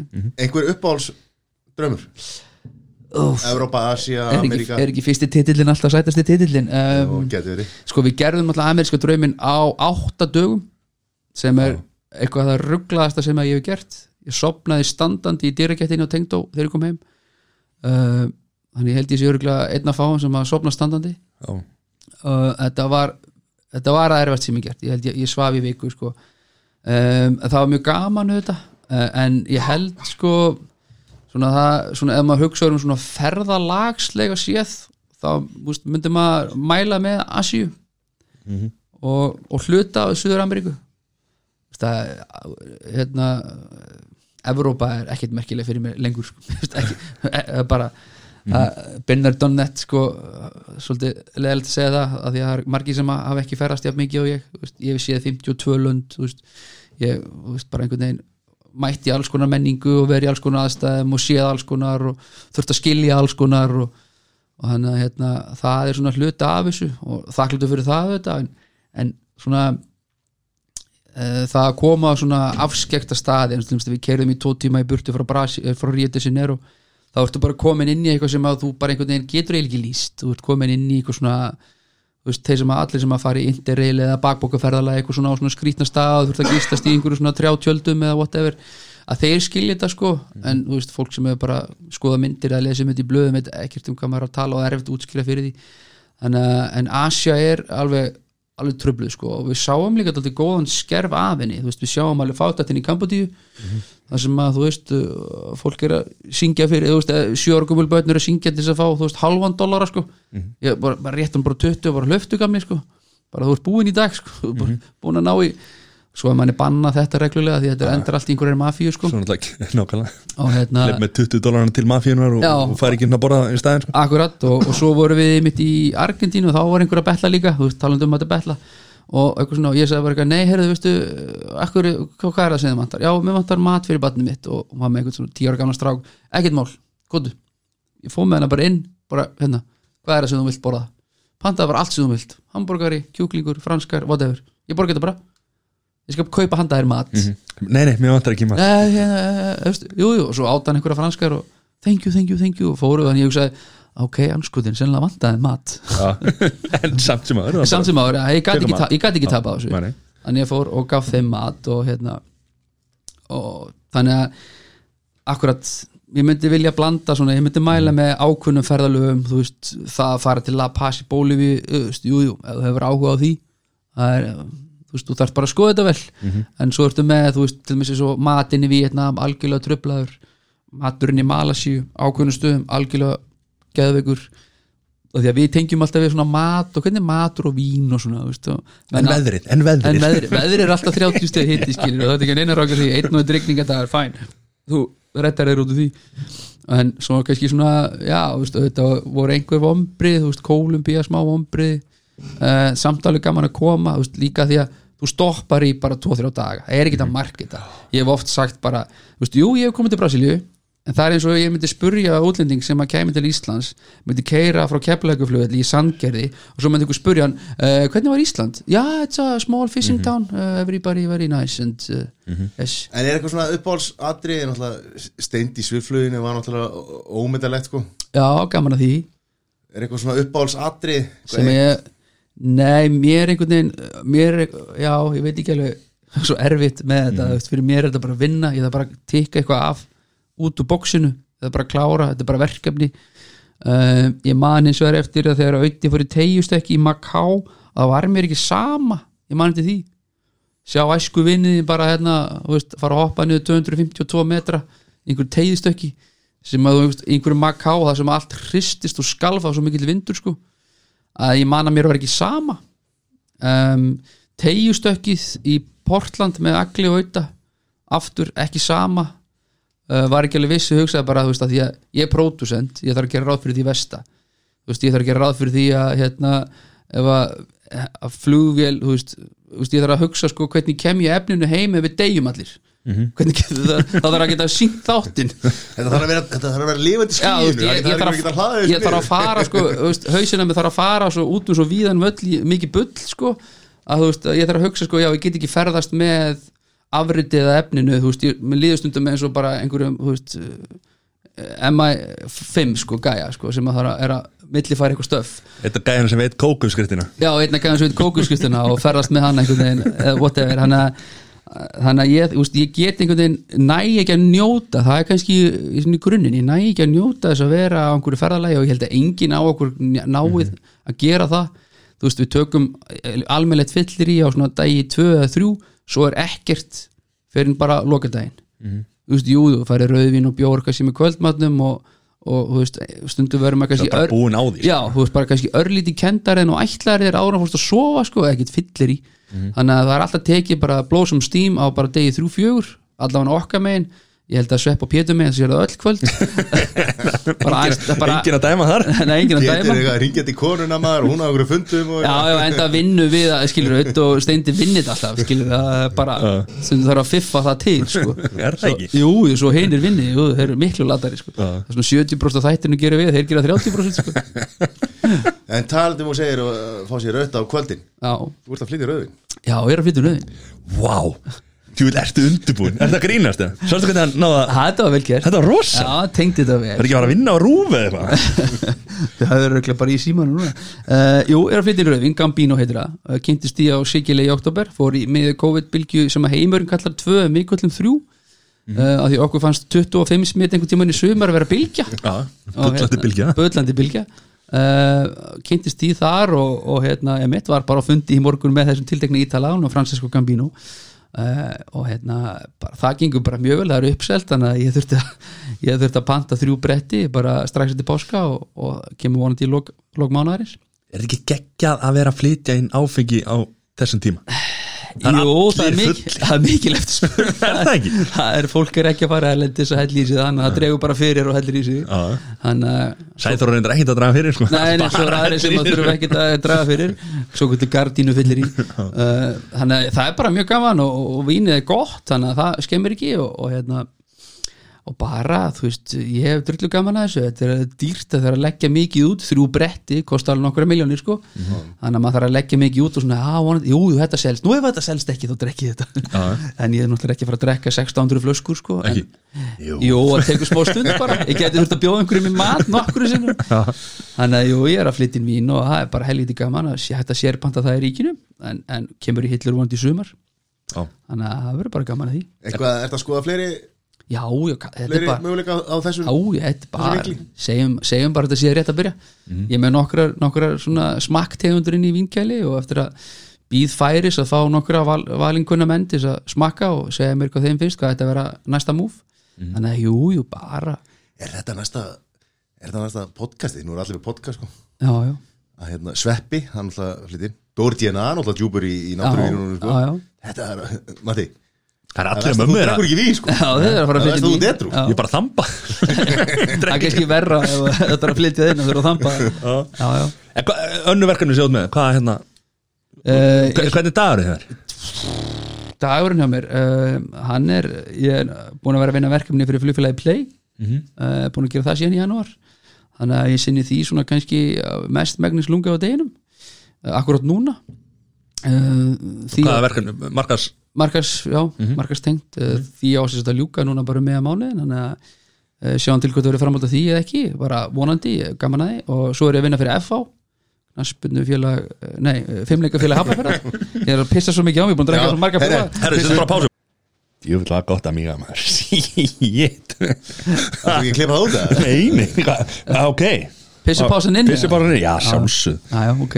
Þetta er bara þannig þáttur. Já, Herru, já, dagurinn emitt, vorum að tala um hann Já. Já, uh, eins og ég segi uh, mestir hluti dagsins fer í að vinna fyrir flugfélagi Play sem er nú reyndar Jó, Er, er það að fara í loftið það?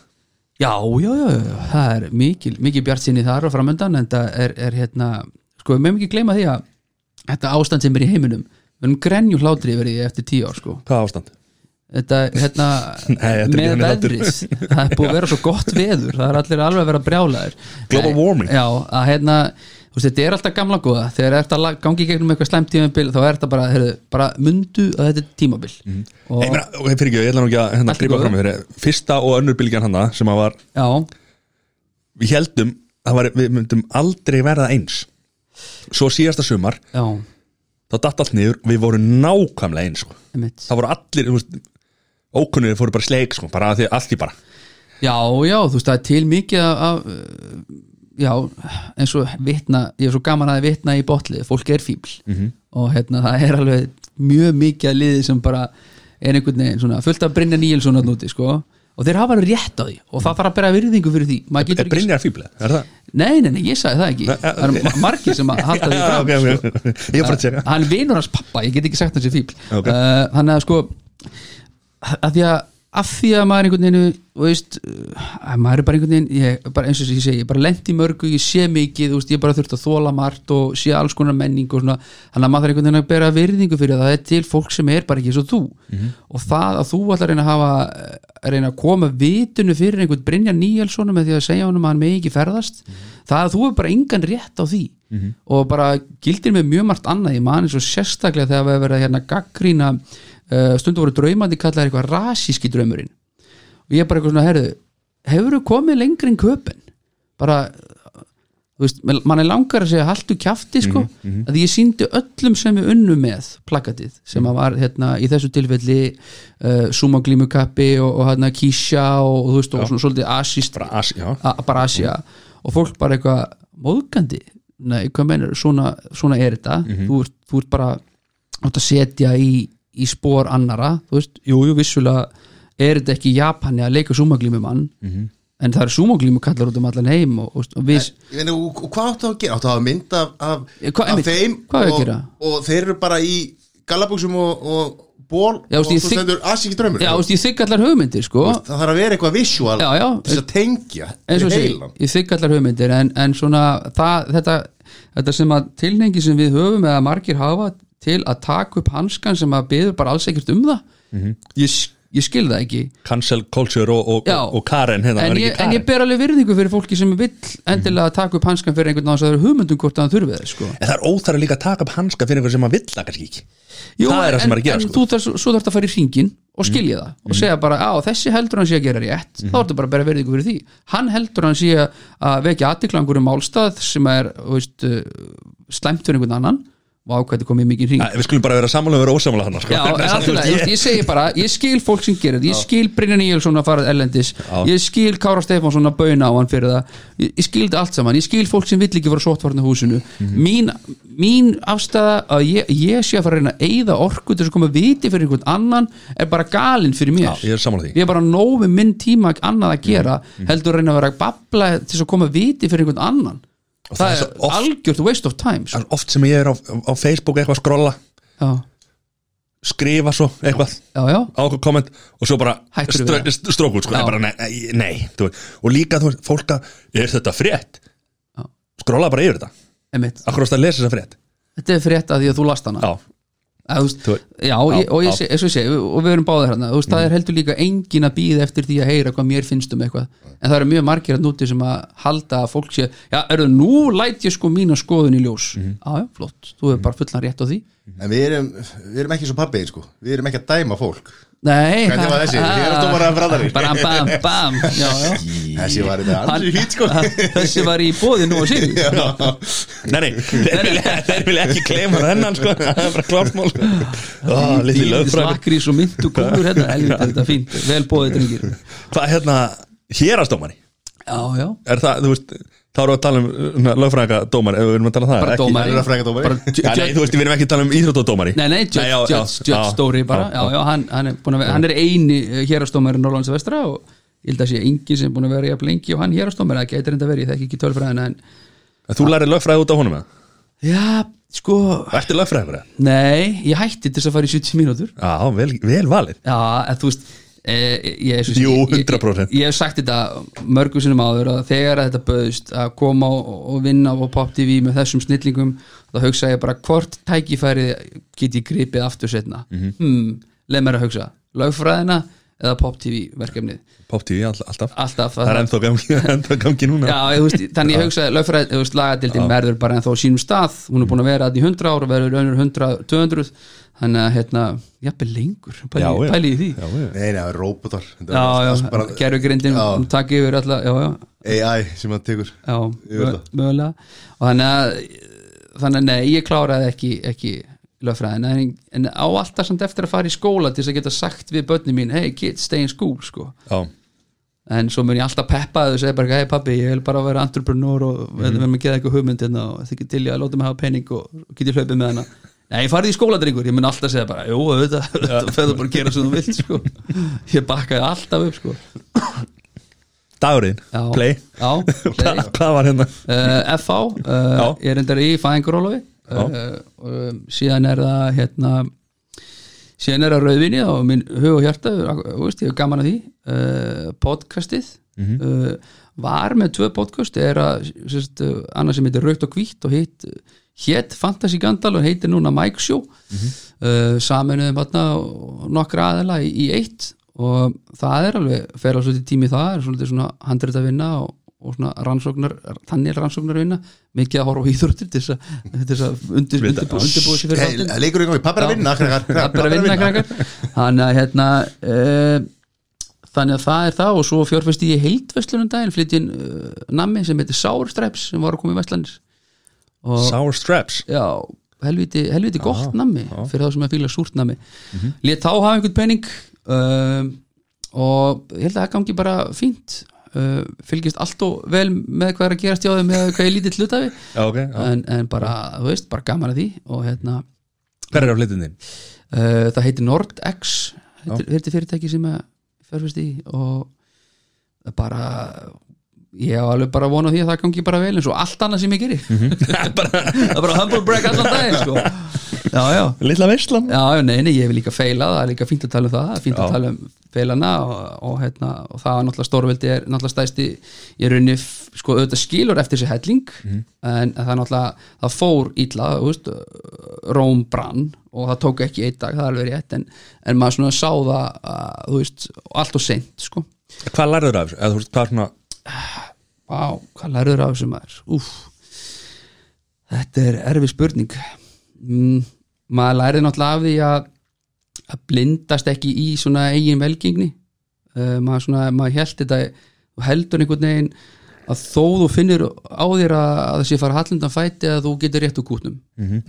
Og það er svona, þú veist, um, þú lærir að kannski þekkja svona hugsanirna þínar og ákvarðanir þínar betur og það er ekki auðvelt. Það er mjög dýrmætt að læra það að hvenar þú ert að taka rétt ákvörðun og hvenar þú veist þú getur stoppað einhverja hugsanir sem að svona þú setur ekki í framkvæmt skilur mig, svona áttaði á bara ok, þetta er að fara að gerast ok, nei, ég baka tilbaka, þetta er ekki rétt.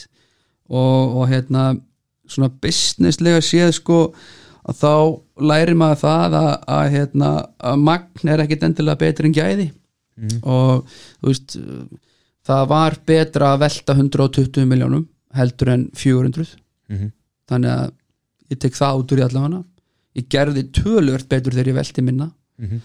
uh, þekkja stöðina veist, vita hvar þú ert, plassera þig á réttum stað vita hvar þú átt að vera ekki fara fram úr þér og, og veist, reyna, veist, að læra að maksa sig. Ég svona, tók það svolítið út úr þessu að veist, vita hvernig ég get gefið allt og vita hvernig ég get það ekki og vera bara heiðalög með það, geta sagt það bara. Og, og hérna í staðin fyrir að segja bara eitthvað, já, já, þetta, þetta græjast og svo einhvern veginn gerur það ekki. Mhm. uh, það, Kemur alltaf í bakið á þér. Kemur í bakið á þér og, og hérna það var svona og, og svo kannski, já, að læra að forðast eldin eftir að hafa verið brendur sko, það svona og það er svona, ég held að sé svona svartasti bletturinn minn er að hérna þó að það sé erfitt að svona persónu gera fyrirtæki, þá var þetta þannig. Þú veist, fólk var í kontakti við mig og það voru þú veist, reyndar sem betur fer fáir einstaklingar sem fingu ekki reikningana sína greita það fór bara í þrótt og það, það er bara hægt að segja það. Ég hitti allt þetta fólk áður en þegar ég vissi stöðuna ég vissi þetta væri game over þá bara ringdi ég allar sem geti hitt þig. Ok, og útskýrdi bara stöðuna. Svona er staðan, ég mun ekki geta greitt er hennar reikning eða reikninga eða hvernig það verið í tilfelli. Og sagði bara, þetta bara úst, og ég mun bara gera allt mitt til þess að reyna að finna önnur verkefni til þess að halda áfram ískipta sambandi við þig þannig að þú ert allavega inni hjá mér gamla góða, eða inni gamla góða greiðan. Og þá voru, þá voru það var eiginlega bara einn aðili sem að held ég væri að ljúga þessu. Held ég væri búin að plana þetta allt fara með allt í þrótt og bara keira þetta allt bara uh, mögulega því að hann var brendur hafði örgulega lendi í þessu áður. Ég þekkti það ekki á þeim tíma. Uh, að það, hann, að, hann trúði mér ekki. Held ég væri bara að ljúga. Uh, ég væri bara búin að emitt svo ég endur takki mig, búin að plana fara bara með allt í þrótt og borga engum og, og hýrða einhverja peninga sem ég veit ekki alveg hvernig hann sá fyrir sér. Þegar allt að fara í þrótt hvernig þú hýrðir peninga út úr einhverju sem er ekki til. Það voru, það voru 0 krónur, það voru bara skuldir hvernig átti ég að græða á því. Það eina sem ég sá fyrir mig var bara ég get ekki haldið áfram, við þarf að draga lín í sandin hér og þá þýði það að það er, þá þú fær ekki greitt því miður. Gamla Allir- góða kennitölu flaggið þannig Já, held ég var að fara í kennitöluflag sko. og sem ég var ekki og, og hérna get sagt það bara mjög kokrustur og hann náði að smita svona inn í bransana því að kvikmyndageirin á Íslandi er mjög lítill bransi. Hann náði að smita þetta svona einhvern veginn inn í bransan allir held að ég var bara eitthvað krukt lægir og, og hefði bara planað þetta. Og menn svona, já, ok, þannig að fleiri sem ég var búin að hitta, einn og einn já, ok, þú hafði bara dyrfskutir sem koma hérna og segja mér bara og ljúa í opi geða mér. Heldur þú að ég hefði gert mér ferð til að hitta þig til þess eins að ljúa þig tróð fullan ef, og ef að sannleikur var í síðan einhver allt annar? Heldur, þessi, heldur þú að Ekki betra bara að skella í lás og, og, og flýja. Hlaupa bara, Já. svar ekki síman segja bara ekki neitt. Það hefði alltaf gert það að ég var að ljúa sko. Já. en ég hugsaði, herru, best að vera maður um mönnum. Hitta viðkomandi útskýra stöðuna, fá skilningin og hérna labba sáttari frá þessu. Nei, nei. Það voru bara einhverjir sem heldur bara, voru bara að hafa samband og bara ringdu og alveg brjálega bara að ljúa ég bara, hver var að ruggla í þér? Það var, það þarf bara einn. Þessi eini gæði, En varst þú með þá day to day reksturinn hann bara já, ég er bara framkvæmta stjóri bara stýriði, bara, og framkvæmta sem að jói ek- ekki inn í þeir voru farnir út þarna. Já, já, þeir eru farnir út þarna, þeir fara út þegar að, sett, við stofnum þessu sjónastöður þegar það rúlar sko.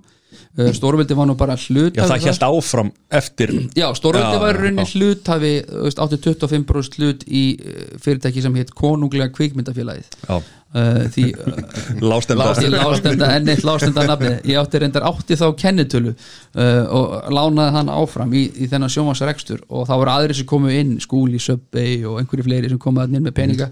Mhm. og síðan uh, Þetta er náttúrulega ekki eðlileg sko. Er, er hann farin aftur að pissa? Já, já.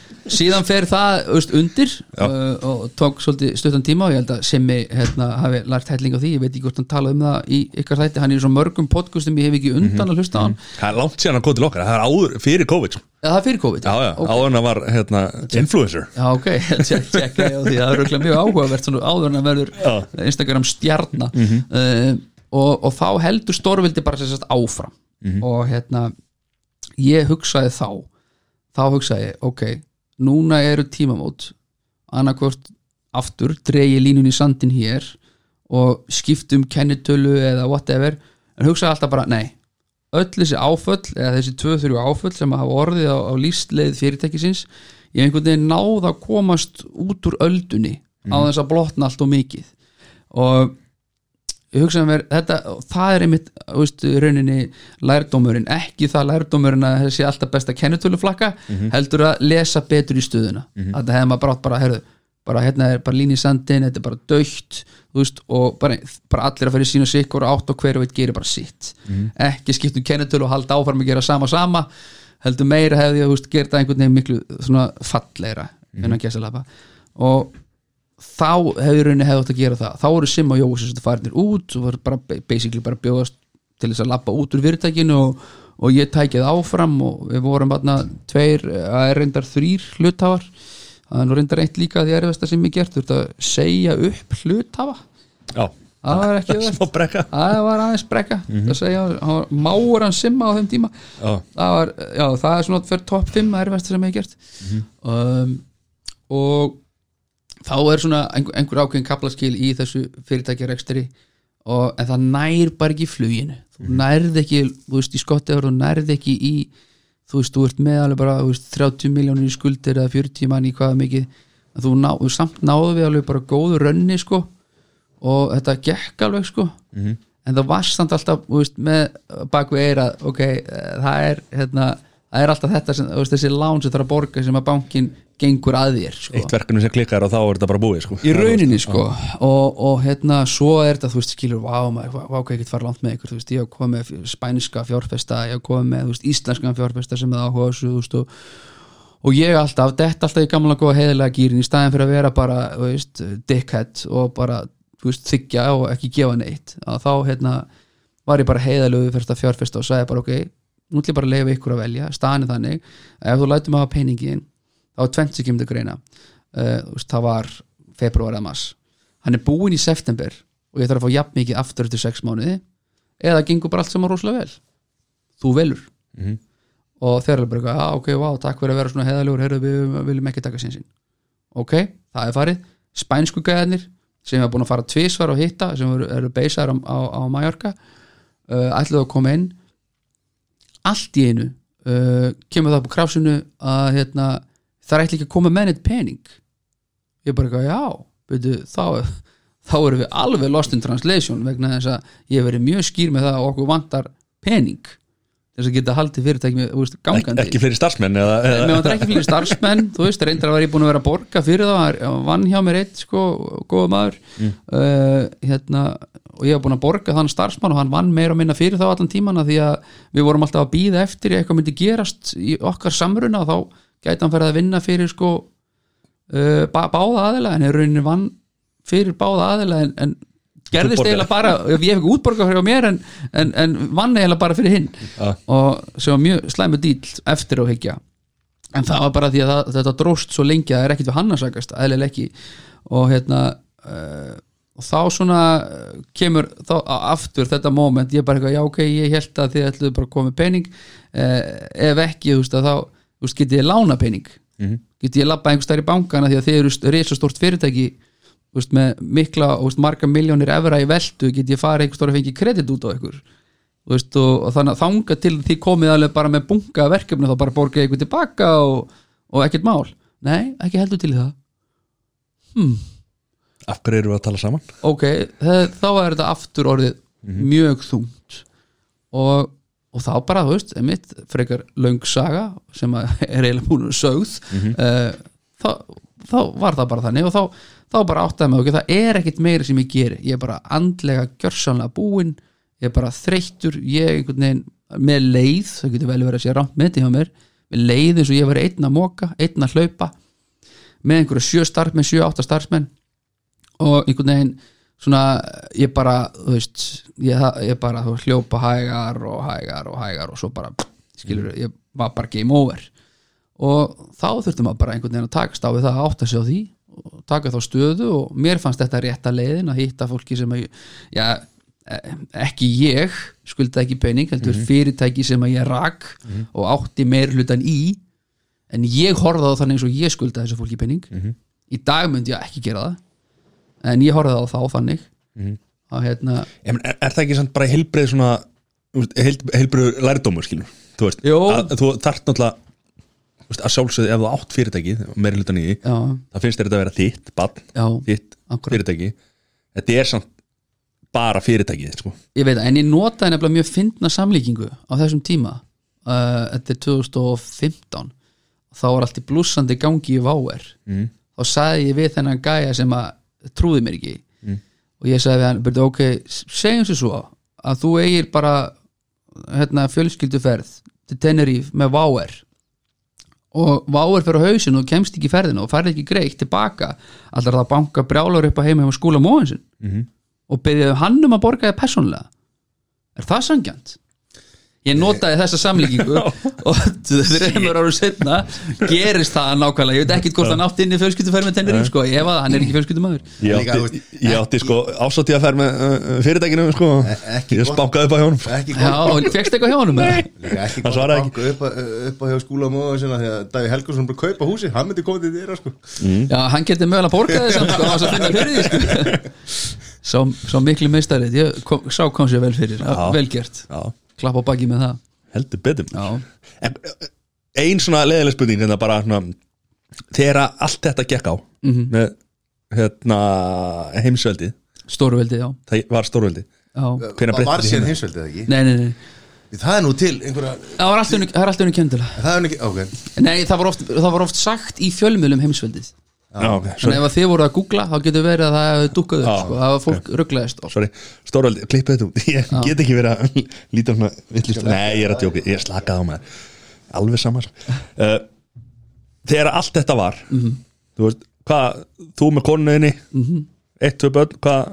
Eitt uh, barn og tvíburarnir eru sjö mánuða hvernig var, var heimilslíf Ég er náttúrulega Ég, ég veit að þetta er leiðileg spurning Já, já, bara svona- sko, ég væri ég væri held ég ráfandi stefnilegst um gutu bæri sem ég væri ekki með konunum minni. Mm. hún náði alveg ofbóðslega vel utanum þetta. Uh, hafiði sjálf gengi í gegnum uh, áföll sem tengdist bara föðu sínum. Uh, hann hefði farið til dæmis gegnum gjaldrótt uh, þannig að hún svona einhvern veginn datt í einhvers konar eitthvað survival mode með mér og svona náðum einhvern veginn að færi í gegnum þetta. Ef ég hugsa tilbaka man ég ekkert eftir þessum tíma. Ég get, ég get, aldrei, ég get ekki sagt þér neitt hvað hva ég var að gera eða neitt í svona eitt ár kannski. Það er bara það hvarf úr minninu mínu. Þannig að svona, já, mars 2015 svona þangað til kannski já, þangað til við förum á EM 2016 það er svona næsta það er svona næsta, sem næsta sem ég man í rauninni sko. ég man ekkert hvað ég var að gera þarna á milli ekki hugmyndum það, sko. get ekki sagt þér það En þú varst alltaf opinn, þið rættu alltaf málin og, og það var alltaf bara hvernig staðan er og, og þú veist og bara, já, já, já, uh, hún er náttúrulega miklu uh, klárari og snjallari en ég og, og hérna og svona sennilega með tölur þær í grindaðistölu en ég, hann að hún svona náði uh, þú veist, að balansera þessu allt. Hún er ekki að jafna að geði mjög gott í henni og, og hérna og meðan ég kannski hef það ekki. Ekki, hún er ekki með mörg rauðspjöld og þú? Nei, hún er með færri rauðspjöldin ég. Og hérna, hann að það er bara, þú veist, ég hef allt henni gott að þakka í runni, þú veist, bara já, þú veist uh, vorum líka bara með verkefni heima sem ég held að bara svolítið hjálpa sko, týpararnir eru hvað eru týpararnir gamli, þeir eru fættið 2015, þannig að þannig að hún er, er hún ólétt þarna, getur það verið? Nei, jú, týpararnir eru 2015 þannig að uh, hún er ólétt þetta gerist. Hvernig er það tvípur? Það er geðveikt. Er það ekki? Já, það er bara besta tveir fyrir eitt tilbúð sem að ég er dottið á sko. oft verið einhver staðar í happy hour þetta er sérlega besti happy hour sem að ég hef lend í. Já, þannig að já, það er það er svolítið, það er alveg doldið merkilegt líka að því að þegar að fólk er svona það er svo íslenskt sko. Metingurinn er svo íslenskur. Það er eitthvað svona, ef maður segir eitthvað já, já, já, já tvíbara og það er 2015 og það eru 5 ára sko. Alveg að vera 6 já, ok, tvíbara, já, ok. Frænka mín Sigriður hún, hún egnaðist sko tvö börn með uh, átjálmána millibili sem ég held að sé miklu erfiðara. Mhm. ég er bara svona já, veistu, ég efast bara eða það, ég, akkur heldur það? Þetta er svona metingurinn sko, svo íslenskur. Já, já, bara, þú veist, það náttúrulega vil ekki það sama. Já, af því að tvíbur náttúrulega bara borða appi sínu báðir, peru báðir uh, fara þetta er, að sofa þetta er sama manneskjan. Sama manneskjan, fara að sofa á sama tíma eða ekki, jú, jú, og vakna á sama tíma eða ekki? Jú, jú, jú, og þurfa að fara í bað á sama maður bara svona, þetta er, þú ert með tvær manneskjur sko, þannig að það verður svo íslensku metingur sko, svo veit ég ekki hvort þetta sé kannski óöryggi fólki, þú ert að spjalla við einhvern. Já, en það er svo íslenskt að vilja topp eitthvað. Já, já, og ég var einu sinni toppaður og ég var þú veist, ég, ég hef engan þörf fyrir að metast eða segja eitthvað um, mitt sé eitthvað erfiðar eða betur en þitt, bara dettur það ekki í hug ég fótbolta með einum gæja uh, og, og þá var ég búin að vera svona í fæðinguróli og lítið láta sjá mig, það búin að vera bara álag og mikið að gera og svona, að svona, það er aðrir hluti sem að dett út og maður þarf að fórna. Og hérna sem að ég reyndar hefði mátt gera meira af eh, svona, ég líti í baksíni spilin ég, sérst, ég fórnaði ekki á miklu heldur, heldur kona mín, ég fórnaði miklu meira en ég. Og, og þá var alltaf eitthvað svona já, allir eitthvað, wow, já, ok, það er ekki flott sko, og þeir sem að reyndu ekki að toppa þig skildi þetta bara eftir þar, ok, já, bara ekki flott. Já, hvernig er það að eiga tí bara, flott og erfitt. Já, flott og bara, case closed. Síðan kom einn og sagði, hérna já, hvernig var típarði, hvernig hafa þeirra, bara fínt. Já, ég vorkinni ekki neitt. Og svona koma þess á mig, bara, já, ok hvað, og nagli er þú, hvað, hvað, hvað þessi var að segja núna, já, þrýbura já, ok ég hef ekkert að segja. Case closed. Já, Það er rosa Það það mikið. Mér langar, alltaf að vera týpur. Já, Ég held að sé geggjað Já, að eiga það vil enginn á Íslandi að þú hefur veit týpa það það. er alveg. nóg á sér eitt sko. Að tveir væri of mikið sko. Það væri alveg störla sko. Þannig að ég öfund alltaf týpur. Já, Ég öfund ekki sko á, á veist, það- þetta er náttúrulega ógislega erfitt Fyrstu, þú veist, hvað 5, 6, 7 árin, ég veit ekki hvað þetta er. Það var til að byrja að leika sér miklu meira saman og það var vendalega miklu fyrir, ég á ekki bat sko að ég veit ekki ég, meina bara, þú veist, eins og Eva, Rúsa þegar hún, hún hefur sagt, hún á týpura og hún sagði við okkur hérna í, í þættinu þegar, einum þættinu sem hún var hjá okkur eh, að hún bara svona eiginlega man bara ekki eftir fyrsta árinu. Já, það er bara næstu því í þóku Það er svolítið þannig sko. af því að þetta er bara, það er svo brjála mikið álag Já, að, Það er svona gott að vera með fyrirtæki líka sem er alveg að fara alveg, alveg, já, mjög já, góð til að taka hugana hugan. Herru, frægustu ferðir bara Íslandsögunar Það er hérna ferðir ykkar félaga Já, til það eru orðnar það, já, Já. það voru það ekki.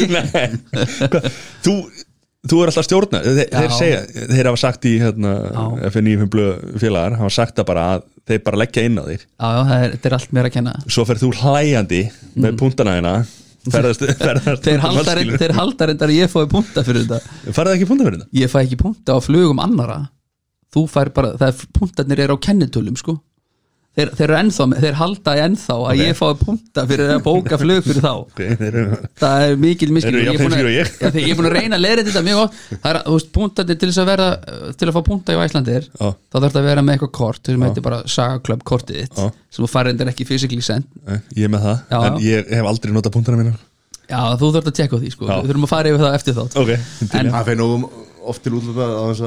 já, þeir, þeir, þeir halda það. En, en jú, ég, þetta er, þetta er sem sagt, tekur þetta bara eins og drauminn?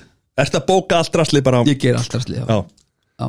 Það er- ég, þetta gerist sennilega ekki nema ég gerir það. Já, Eh, Þetta hefur í einhver skipti gest uh, án minna aðkomu. Og þó, nei, sennilega ekki. Mhm. Þetta er hérna En þú er sér drifkrafturinn í þessu Já. þessu vinahópi vantala Já, já, og, og gerist ekkert nema þú gerir það sem er bara já, geggjað já, virkar svolítið þannig. Mhm. já. Og hvað hérna, af hverju AC? Það er smá söðokrökkur í AC, sko. Já, no shit. Það er, sko um, og hefur svolítið pleysið út af fyrir þig og, og ég veit ekki hvað það hafa mikið tíma bara, þú ert gestur sko, við, Já, já. við erum nótíma en sko AC er, það er svolítið fyndið að segja ég satt uh, fyrir hvað, einhverju síðan, ég man ekki, segjum bara þrjú, fjör ár. Og satt ég í gufunni inn á, á hérna, Bellagio hótelinu og það er gæði sem er búin að búa þarna í 15 ár Bellagio á í AC ja? nei, ekki Bellagio, heldur hérna það er náttúrulega í hérna, Oh. Vegas ekki jú, hvað heitir hitt sem er hliðin á Harras hérna, allavega, það kemur sérna uh, Þið eru einu íslendingan sem ég veit sem hafa farið þarna sko. já, já, það virðist vera að hérna, þá er alltaf með allt einu á því að ég er búin að koma til Atlantic City síðan 2003 og ég veit ekkert um borgina. Ég veit ekki neitt. Ég veit ekkert hvað neitt er. Ég bara veit, jú, ég veit hvað outletið er og ég veit hvað er hérna Applebee's er, af því að þá get ég lappa út frá því og ég rata þaðan. Applebee's er reynda fárulega já, góð já. stað sko. og svo ef þú fær alveg neðst á, á hérna, ert í alvörun að fara að pissa aftur. Já, já. Þetta er síðast sinn. Já, ok. Þetta er síðasta sinn. Nei, ég og ef þú fer alveg neðst á boardwalkið þá, hérna, ekki alveg neðst reyndar en þú veist, það stoppar eiginlega á Hooters þá, þá, það, þá þekki ég mig það sko Ok. þannig að hann var að segja mér eitthvað, já, já, lalala og eitthvað sem segja mér, ég alveg bara og meðan hann var að tala, þá bara rifjast upp fyrir mig bara, djöfisins fáið er ég Mhm. En svo kemur, svo myndi eigill eða auðvitað einhver segja bara eitthvað, gæti ekki meira verið drullu sama um sögu AC, just, ég er að follow alls konar fréttamenn sem er að skrifa í Atlantic City hérna, today og eitthvað svona fylgist með fréttunum og svona, sendi strákunum reglulega update hvað er að gerast í Atlantic City. Og hérna, en reyndar eh, þarf ég að skilja það að menn vilja ekki fara í ár til Atlantic City. Uh, menn vilja fara til Vegas og, og það er svona einstakar sinnum þarf ég að gefa þessum mönnum bein. Já. En svo förum við fjórum, fimm sinnum í röð til Atlantic City Er það ekki? Jú, jú, elsk En er þetta eins og, þú veist Boardwalk Empire, er það Já. tekið hann upp eða? Nei, það er nefnilega ekki tekið hann upp Það á að vera tekið hann upp eða? Já, sko yfirvöld, kyn, kynnti mig málið Ok. yfirvöld í Atlantic City klúruð þessu þetta snýst um þess að hérna, sem að margir þekkja uh, reyndar ekki alveg allir en uh, þessum endugreisla á svona kvikmyndadóti þú fær 25% tilbaka eða 15 og sem þar- mikið í fréttum í Íslandi vegna sem við erum að reyna að fá. akkurat reyna að fá útlendingar til þess að taka, taka upp bíó eða sjónvarsætti hér. Og við erum með 25% og þetta snerist eitthvað um það að yfirvöld í Atlantic City bara, já bara nei glemt þessu, þannig að þeir fóru held ég alveg öruglega og tókut upp í hérna, New Orleans Já. sem að lætur það hafa held ég í dag bara sko 45% tilbaka eða eitthvað sko okay. þannig að þeir bara í staðin fyrir að taka upp á bortvokkinni þá bara byggðu þeir það og, og hérna en það er ekkert betra en að þú veist, ég komið að öllum tímum ásins ég hef næstu því komið þetta með fjölskyldinni eða þú veist, jú við fórum aðna við vorum Þetta er pappi alltaf fullur. Þetta er pappi fullur sko. Það var reyndar ein helgiti góð saga sem við fórum inn í kasino sko, fórum á Hard Rock og, og hérna, sem er reyndar mjög nýlegt gamla Já, og ég fó- fór inn og vildi bara svona aðeins sína þeim bara því að þú veist, ég er ofta að segja einhverja sögur aðalega konunni bara heima hvernig þú veist, þetta er og svona er. En ég vildi bara síninni bara heru, svona er þetta og ég stóðst ekki mátu og let stráki minn átt ára fari eitt svona spilakassa sem við náttúrulega spilum ekki. Og það kom öryggisverður á svona þremur sekundum bara excuse me sir. Bara, þú, þessi ungi maður má ekki standa hér. Ég bara, hann er bara íta slaka á maður, hann er bara íta hérna nokkra takka og svona með pappa sínum. Hann bara, nei, nei, börn, þú veist, þá hef ég náttúrulega aldrei verið að það með börn, en ég vissi ekkit þekkti ekkit prótakóli með börn hana. þannig að það var eitthvað svona lína og þá bara, þessi, í gólfinu sem er, er teppið og allt í hennu áttaði mig bara á því já, nú skil ég er alltaf svona rönd í teppinu. Þá er ég búin að koma þarna í átján árið eitthvað og aldrei fattað að hverju teppin líta svona út. Það mátti hans ekki standa inn fyrir það því að þá varstu 21 árs eða þá, eitthvað. þá ertu player sko, þá ertu að spila. Og, og hérna ég bara eitthvað, já, nú skil ég það var mjög, mjög skemmtileg upplifun og, en svo er náttúrulega tífóli beint fyrir utan sko, Hardrock hótelið þetta er alltaf fjölskylduvæð þetta er mjög fjölskylduvænt Mhm. ef það er gott veður Er hérna annars er ekki það er bara inni að spila FNI við blöð bræður hafa hótað því að, að, Atlantic City sé búið Er það búið það? nei, ja, það, er, það er ekki Hann bóka bara ferðirnar og þeir mæta sko. Þetta var síðasta ferð, sko. síðasta ferð sem var bókuð uh, var bókuð á fyllir í annan í jólum og þá er auðvelt að fá já frá mönnum Mhm. þannig að ég fór og, og ég náttúrulega mann kennitölur allra þannig að ég fór bara og bókaði og greiddi og svo sagði ég mönnum að þeir skulduðu með smá pening að þeir varum fært til Atlantic City 4. februar og menn bara, já ok þá þurf ég að láta vita því og eitthvað shit, þú druglaði maður þannig að hérna, en ég fekk leifi ég fæ yfirleitt leifi, svona menn segja náttúrulega já, svo auðvilt eftir áttunda bjór, skilur, segja bara já, ég er alveg geima, uh. svo ertu það náttúrulega ekki En bakka menn ekkit út eða? það er ekki tægt, Það er ekki hægt? Nei, það er ekki tægt Og svo bara, ég er bara, hann bánta þetta. Hann bánta, ég verða bara að þeir, þeir hafa farið þá heim og væntalega nota það sem ásökun að að, hérna, þeir get ekki bakkað út. Já. Þannig að þú ert svolítið blóra böggull fyrir þá þegar þeir teka allan daginn. Rípanta þetta bara. ef það er Atlantic City, teka Leið til í að- og allar konundar náttúrulega kannski þá resenta þig eitthvað. Nei, ég held að það er átti sem nú alveg á því að, en það góða við þetta er að þeim langar bara alls ekkert með.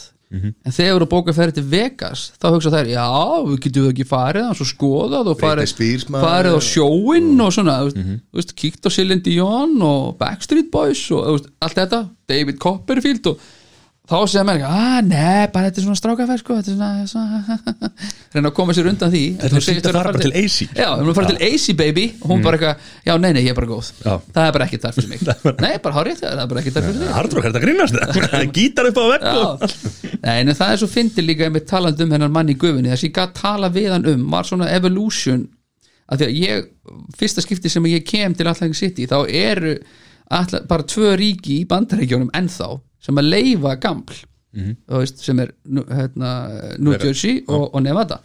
Og hérna þá hefði ég séð í rauninni sko hvernig uh, veist, suma byggingar hefðu sko hrunið niður eða sérst búið, hvað heitir þetta? Demoli, hérna, Já, bara búið að sprengja það Búið að sprengja Já, það. bara búið Já. að fjalla, ekki, ekki, Já. ekki niður nýslu heldur bara búið að Jú, hverfa. ég hef búin að sjá þetta allt í niðurnýsli í mörg ár og, og, og sjá veist, hvernig hótelin bara svona vissnuðu upp og, og urðu bara þú veist, að engu og að það er náttúrulega loka helviti mörgum aðna og síðan vorum við að tala um þú veist, hérna, rúturnar eru hættar að koma þú veist, það komur rútur úr öðrum fylgjum og þú veist, það var mikið að gera á umferðastöðinni það var svona kraftur, þú veist, ég, mér leið eins og ég væri 95 ára, sko, spjallaði hann. Og bara eins og, já, ei mann í gömlu góta hana, sko, já, já, við erum, þetta er svo geðveikt, sko. Og ég bara eitthvað svona tengdi við eitthvað svona eldri mann í gufu og bara eitthvað svona ég fílaði það í döðlu sko. þekkti mannin ekki neitt og bara spjallin daginn á veginn og Gömlu góðu dagarnir Já, gömlu góðu AC dagarnir sko, það var, þú veist, fyrsta ferðin var hvað, 2003 og 2004 og nei, þetta Mælur með þessu? manni langar svolítið að eiga þetta fyrir sig Já. það er helviti fínt að skul ekki aðrir íslendinga vera þarna. En akkur er þessi FN95 blöðu bræður að- að- alltaf að tala um þetta? Þeir þurfa að fara að stoppa það Já, því ég held að þeir, þeir náttúrulega hafa sjálfsög lúmst gaman að Já, þessu, Þeir hafa gaman að skjóta á mig í þættinum og nýta það sem er content í sinn þátt og svona, það er bara gaman að því og, en þeir svona, ég held reyndar að Egil hafi farið sína síðustu ferð. Já. ég svona sé það aðeins á Hann er alltaf hann er líka svolítið mikið að gera grína þeim fyrir að fara í Já, síðustu já, ferð, en svo ertu náttúrulega með bara, þú veist, sko steindi, það er smá sögur ykkur í steinda, skilur, hann er bara haugur, sko Mósó, þetta er bara Já, sama. já, þetta er bara- basically sama. bara Þetta er- rétt. Þetta er bara fyrir utan Já, hérna, þetta- Fyrir ofan rauðavall Já, akkurat. Það er þetta bara komið sko. þá var út á landi. Það er bara borgar eins og staðskal á milli sko. Já, akkurat, that's it. Og hérna, ég held að, að hérna, við munum áfram fara til Atlantic City þótt að næsta ferð verið til Vegas og þá, þú veist, við höfum farið tvisar til Vegas áður og, og hérna, ég hef gefið svona grænt á það bara til þess að Æ, þið viti hvernig þetta er, að þú veist, gefa og þykja og gefa og þykja og, það, þurfa að halda öllum góðum og að hérna En eru allir að gamla? Eða, veist, ertu, ertu mikill gamlar eða? Uh, já, sko, já, já, við gömblum uh, flestir. Uh, það er ekkert gaman að koma með ef þú ert ekki gamla þetta, er, þetta er svolítið þannig að svona tíminn fer í þetta en svona, það hefur endar aðeins breyst sko. Það, það er alveg hægt að við séum að vaka til hátdeis til þess að spila blackjack. Það er ekkert lengur þú veist, það menn eru bara að sofa með 2 og 3 skilur alveg seinasta lagi sko. og, og hérna, það er bara aldurinn. Maður ræður ekkert við meira og, og síðan kemur dagur þrjú og svo kemur dagur fjögur og maður bara, wow, shit sko. þannig, þú veist, í gála góðu dagana skilur þá bara heldur maður vel í sig og kláraði bara dag þrjú. Reyndar var fjóradaði fyllir í síðustu ferð sem að hefði ekki gest bara, menn voru einmitt að reyna að reyfja það upp bara hvernig drukku við síðast fjóradaði röð? Þannig að það er lífur í gömlu glæðum sko. Er það ekki? Jú, en þú veist, eins og ég segi, þú þarft að gamla, það komi einn vinnu minn með sem að hafa lítið, eh, lítið gaman að gamla í síðustu ferð uh, hann þetta skuldar mér þá ferð en þá ég borgaði hana fyrir hann hann er, hann aðeins, svona, hann er ekki alveg kannski með jafn mikið á milli handan og, og aðrir uh, hann að ég læta vera uh, í bíli allavega og, Gott að eiga þetta á hann. gott að eiga þetta á hann en hérna uh, ef hann er að hlusta neina mátt bara þetta. Og hérna eh, þannig að þú verður að vera að hafa einhvern áhuga á rulletu eða blackjack eða, eða eitthvað en, en ég held samt sér alveg gaman veist, ef þú ert tengdur þessum hópi og þekkir þess, þess, þennan hóp vel það sé held ég alveg gaman að upplifa þetta með þeim en ég held að það sé bara einu sinni. Já, ég held að hann kom ekkit aftur skilur þú veist að það er ekkit en veist, ég myndi samt alveg koma með til Vegas og alltaf þennan hóp þanga en þannig að ég myndi alls ekki ráðleika fólki farið til allengi að því að ég, ég eða jú, jú, bara ekki sömu helgi og við.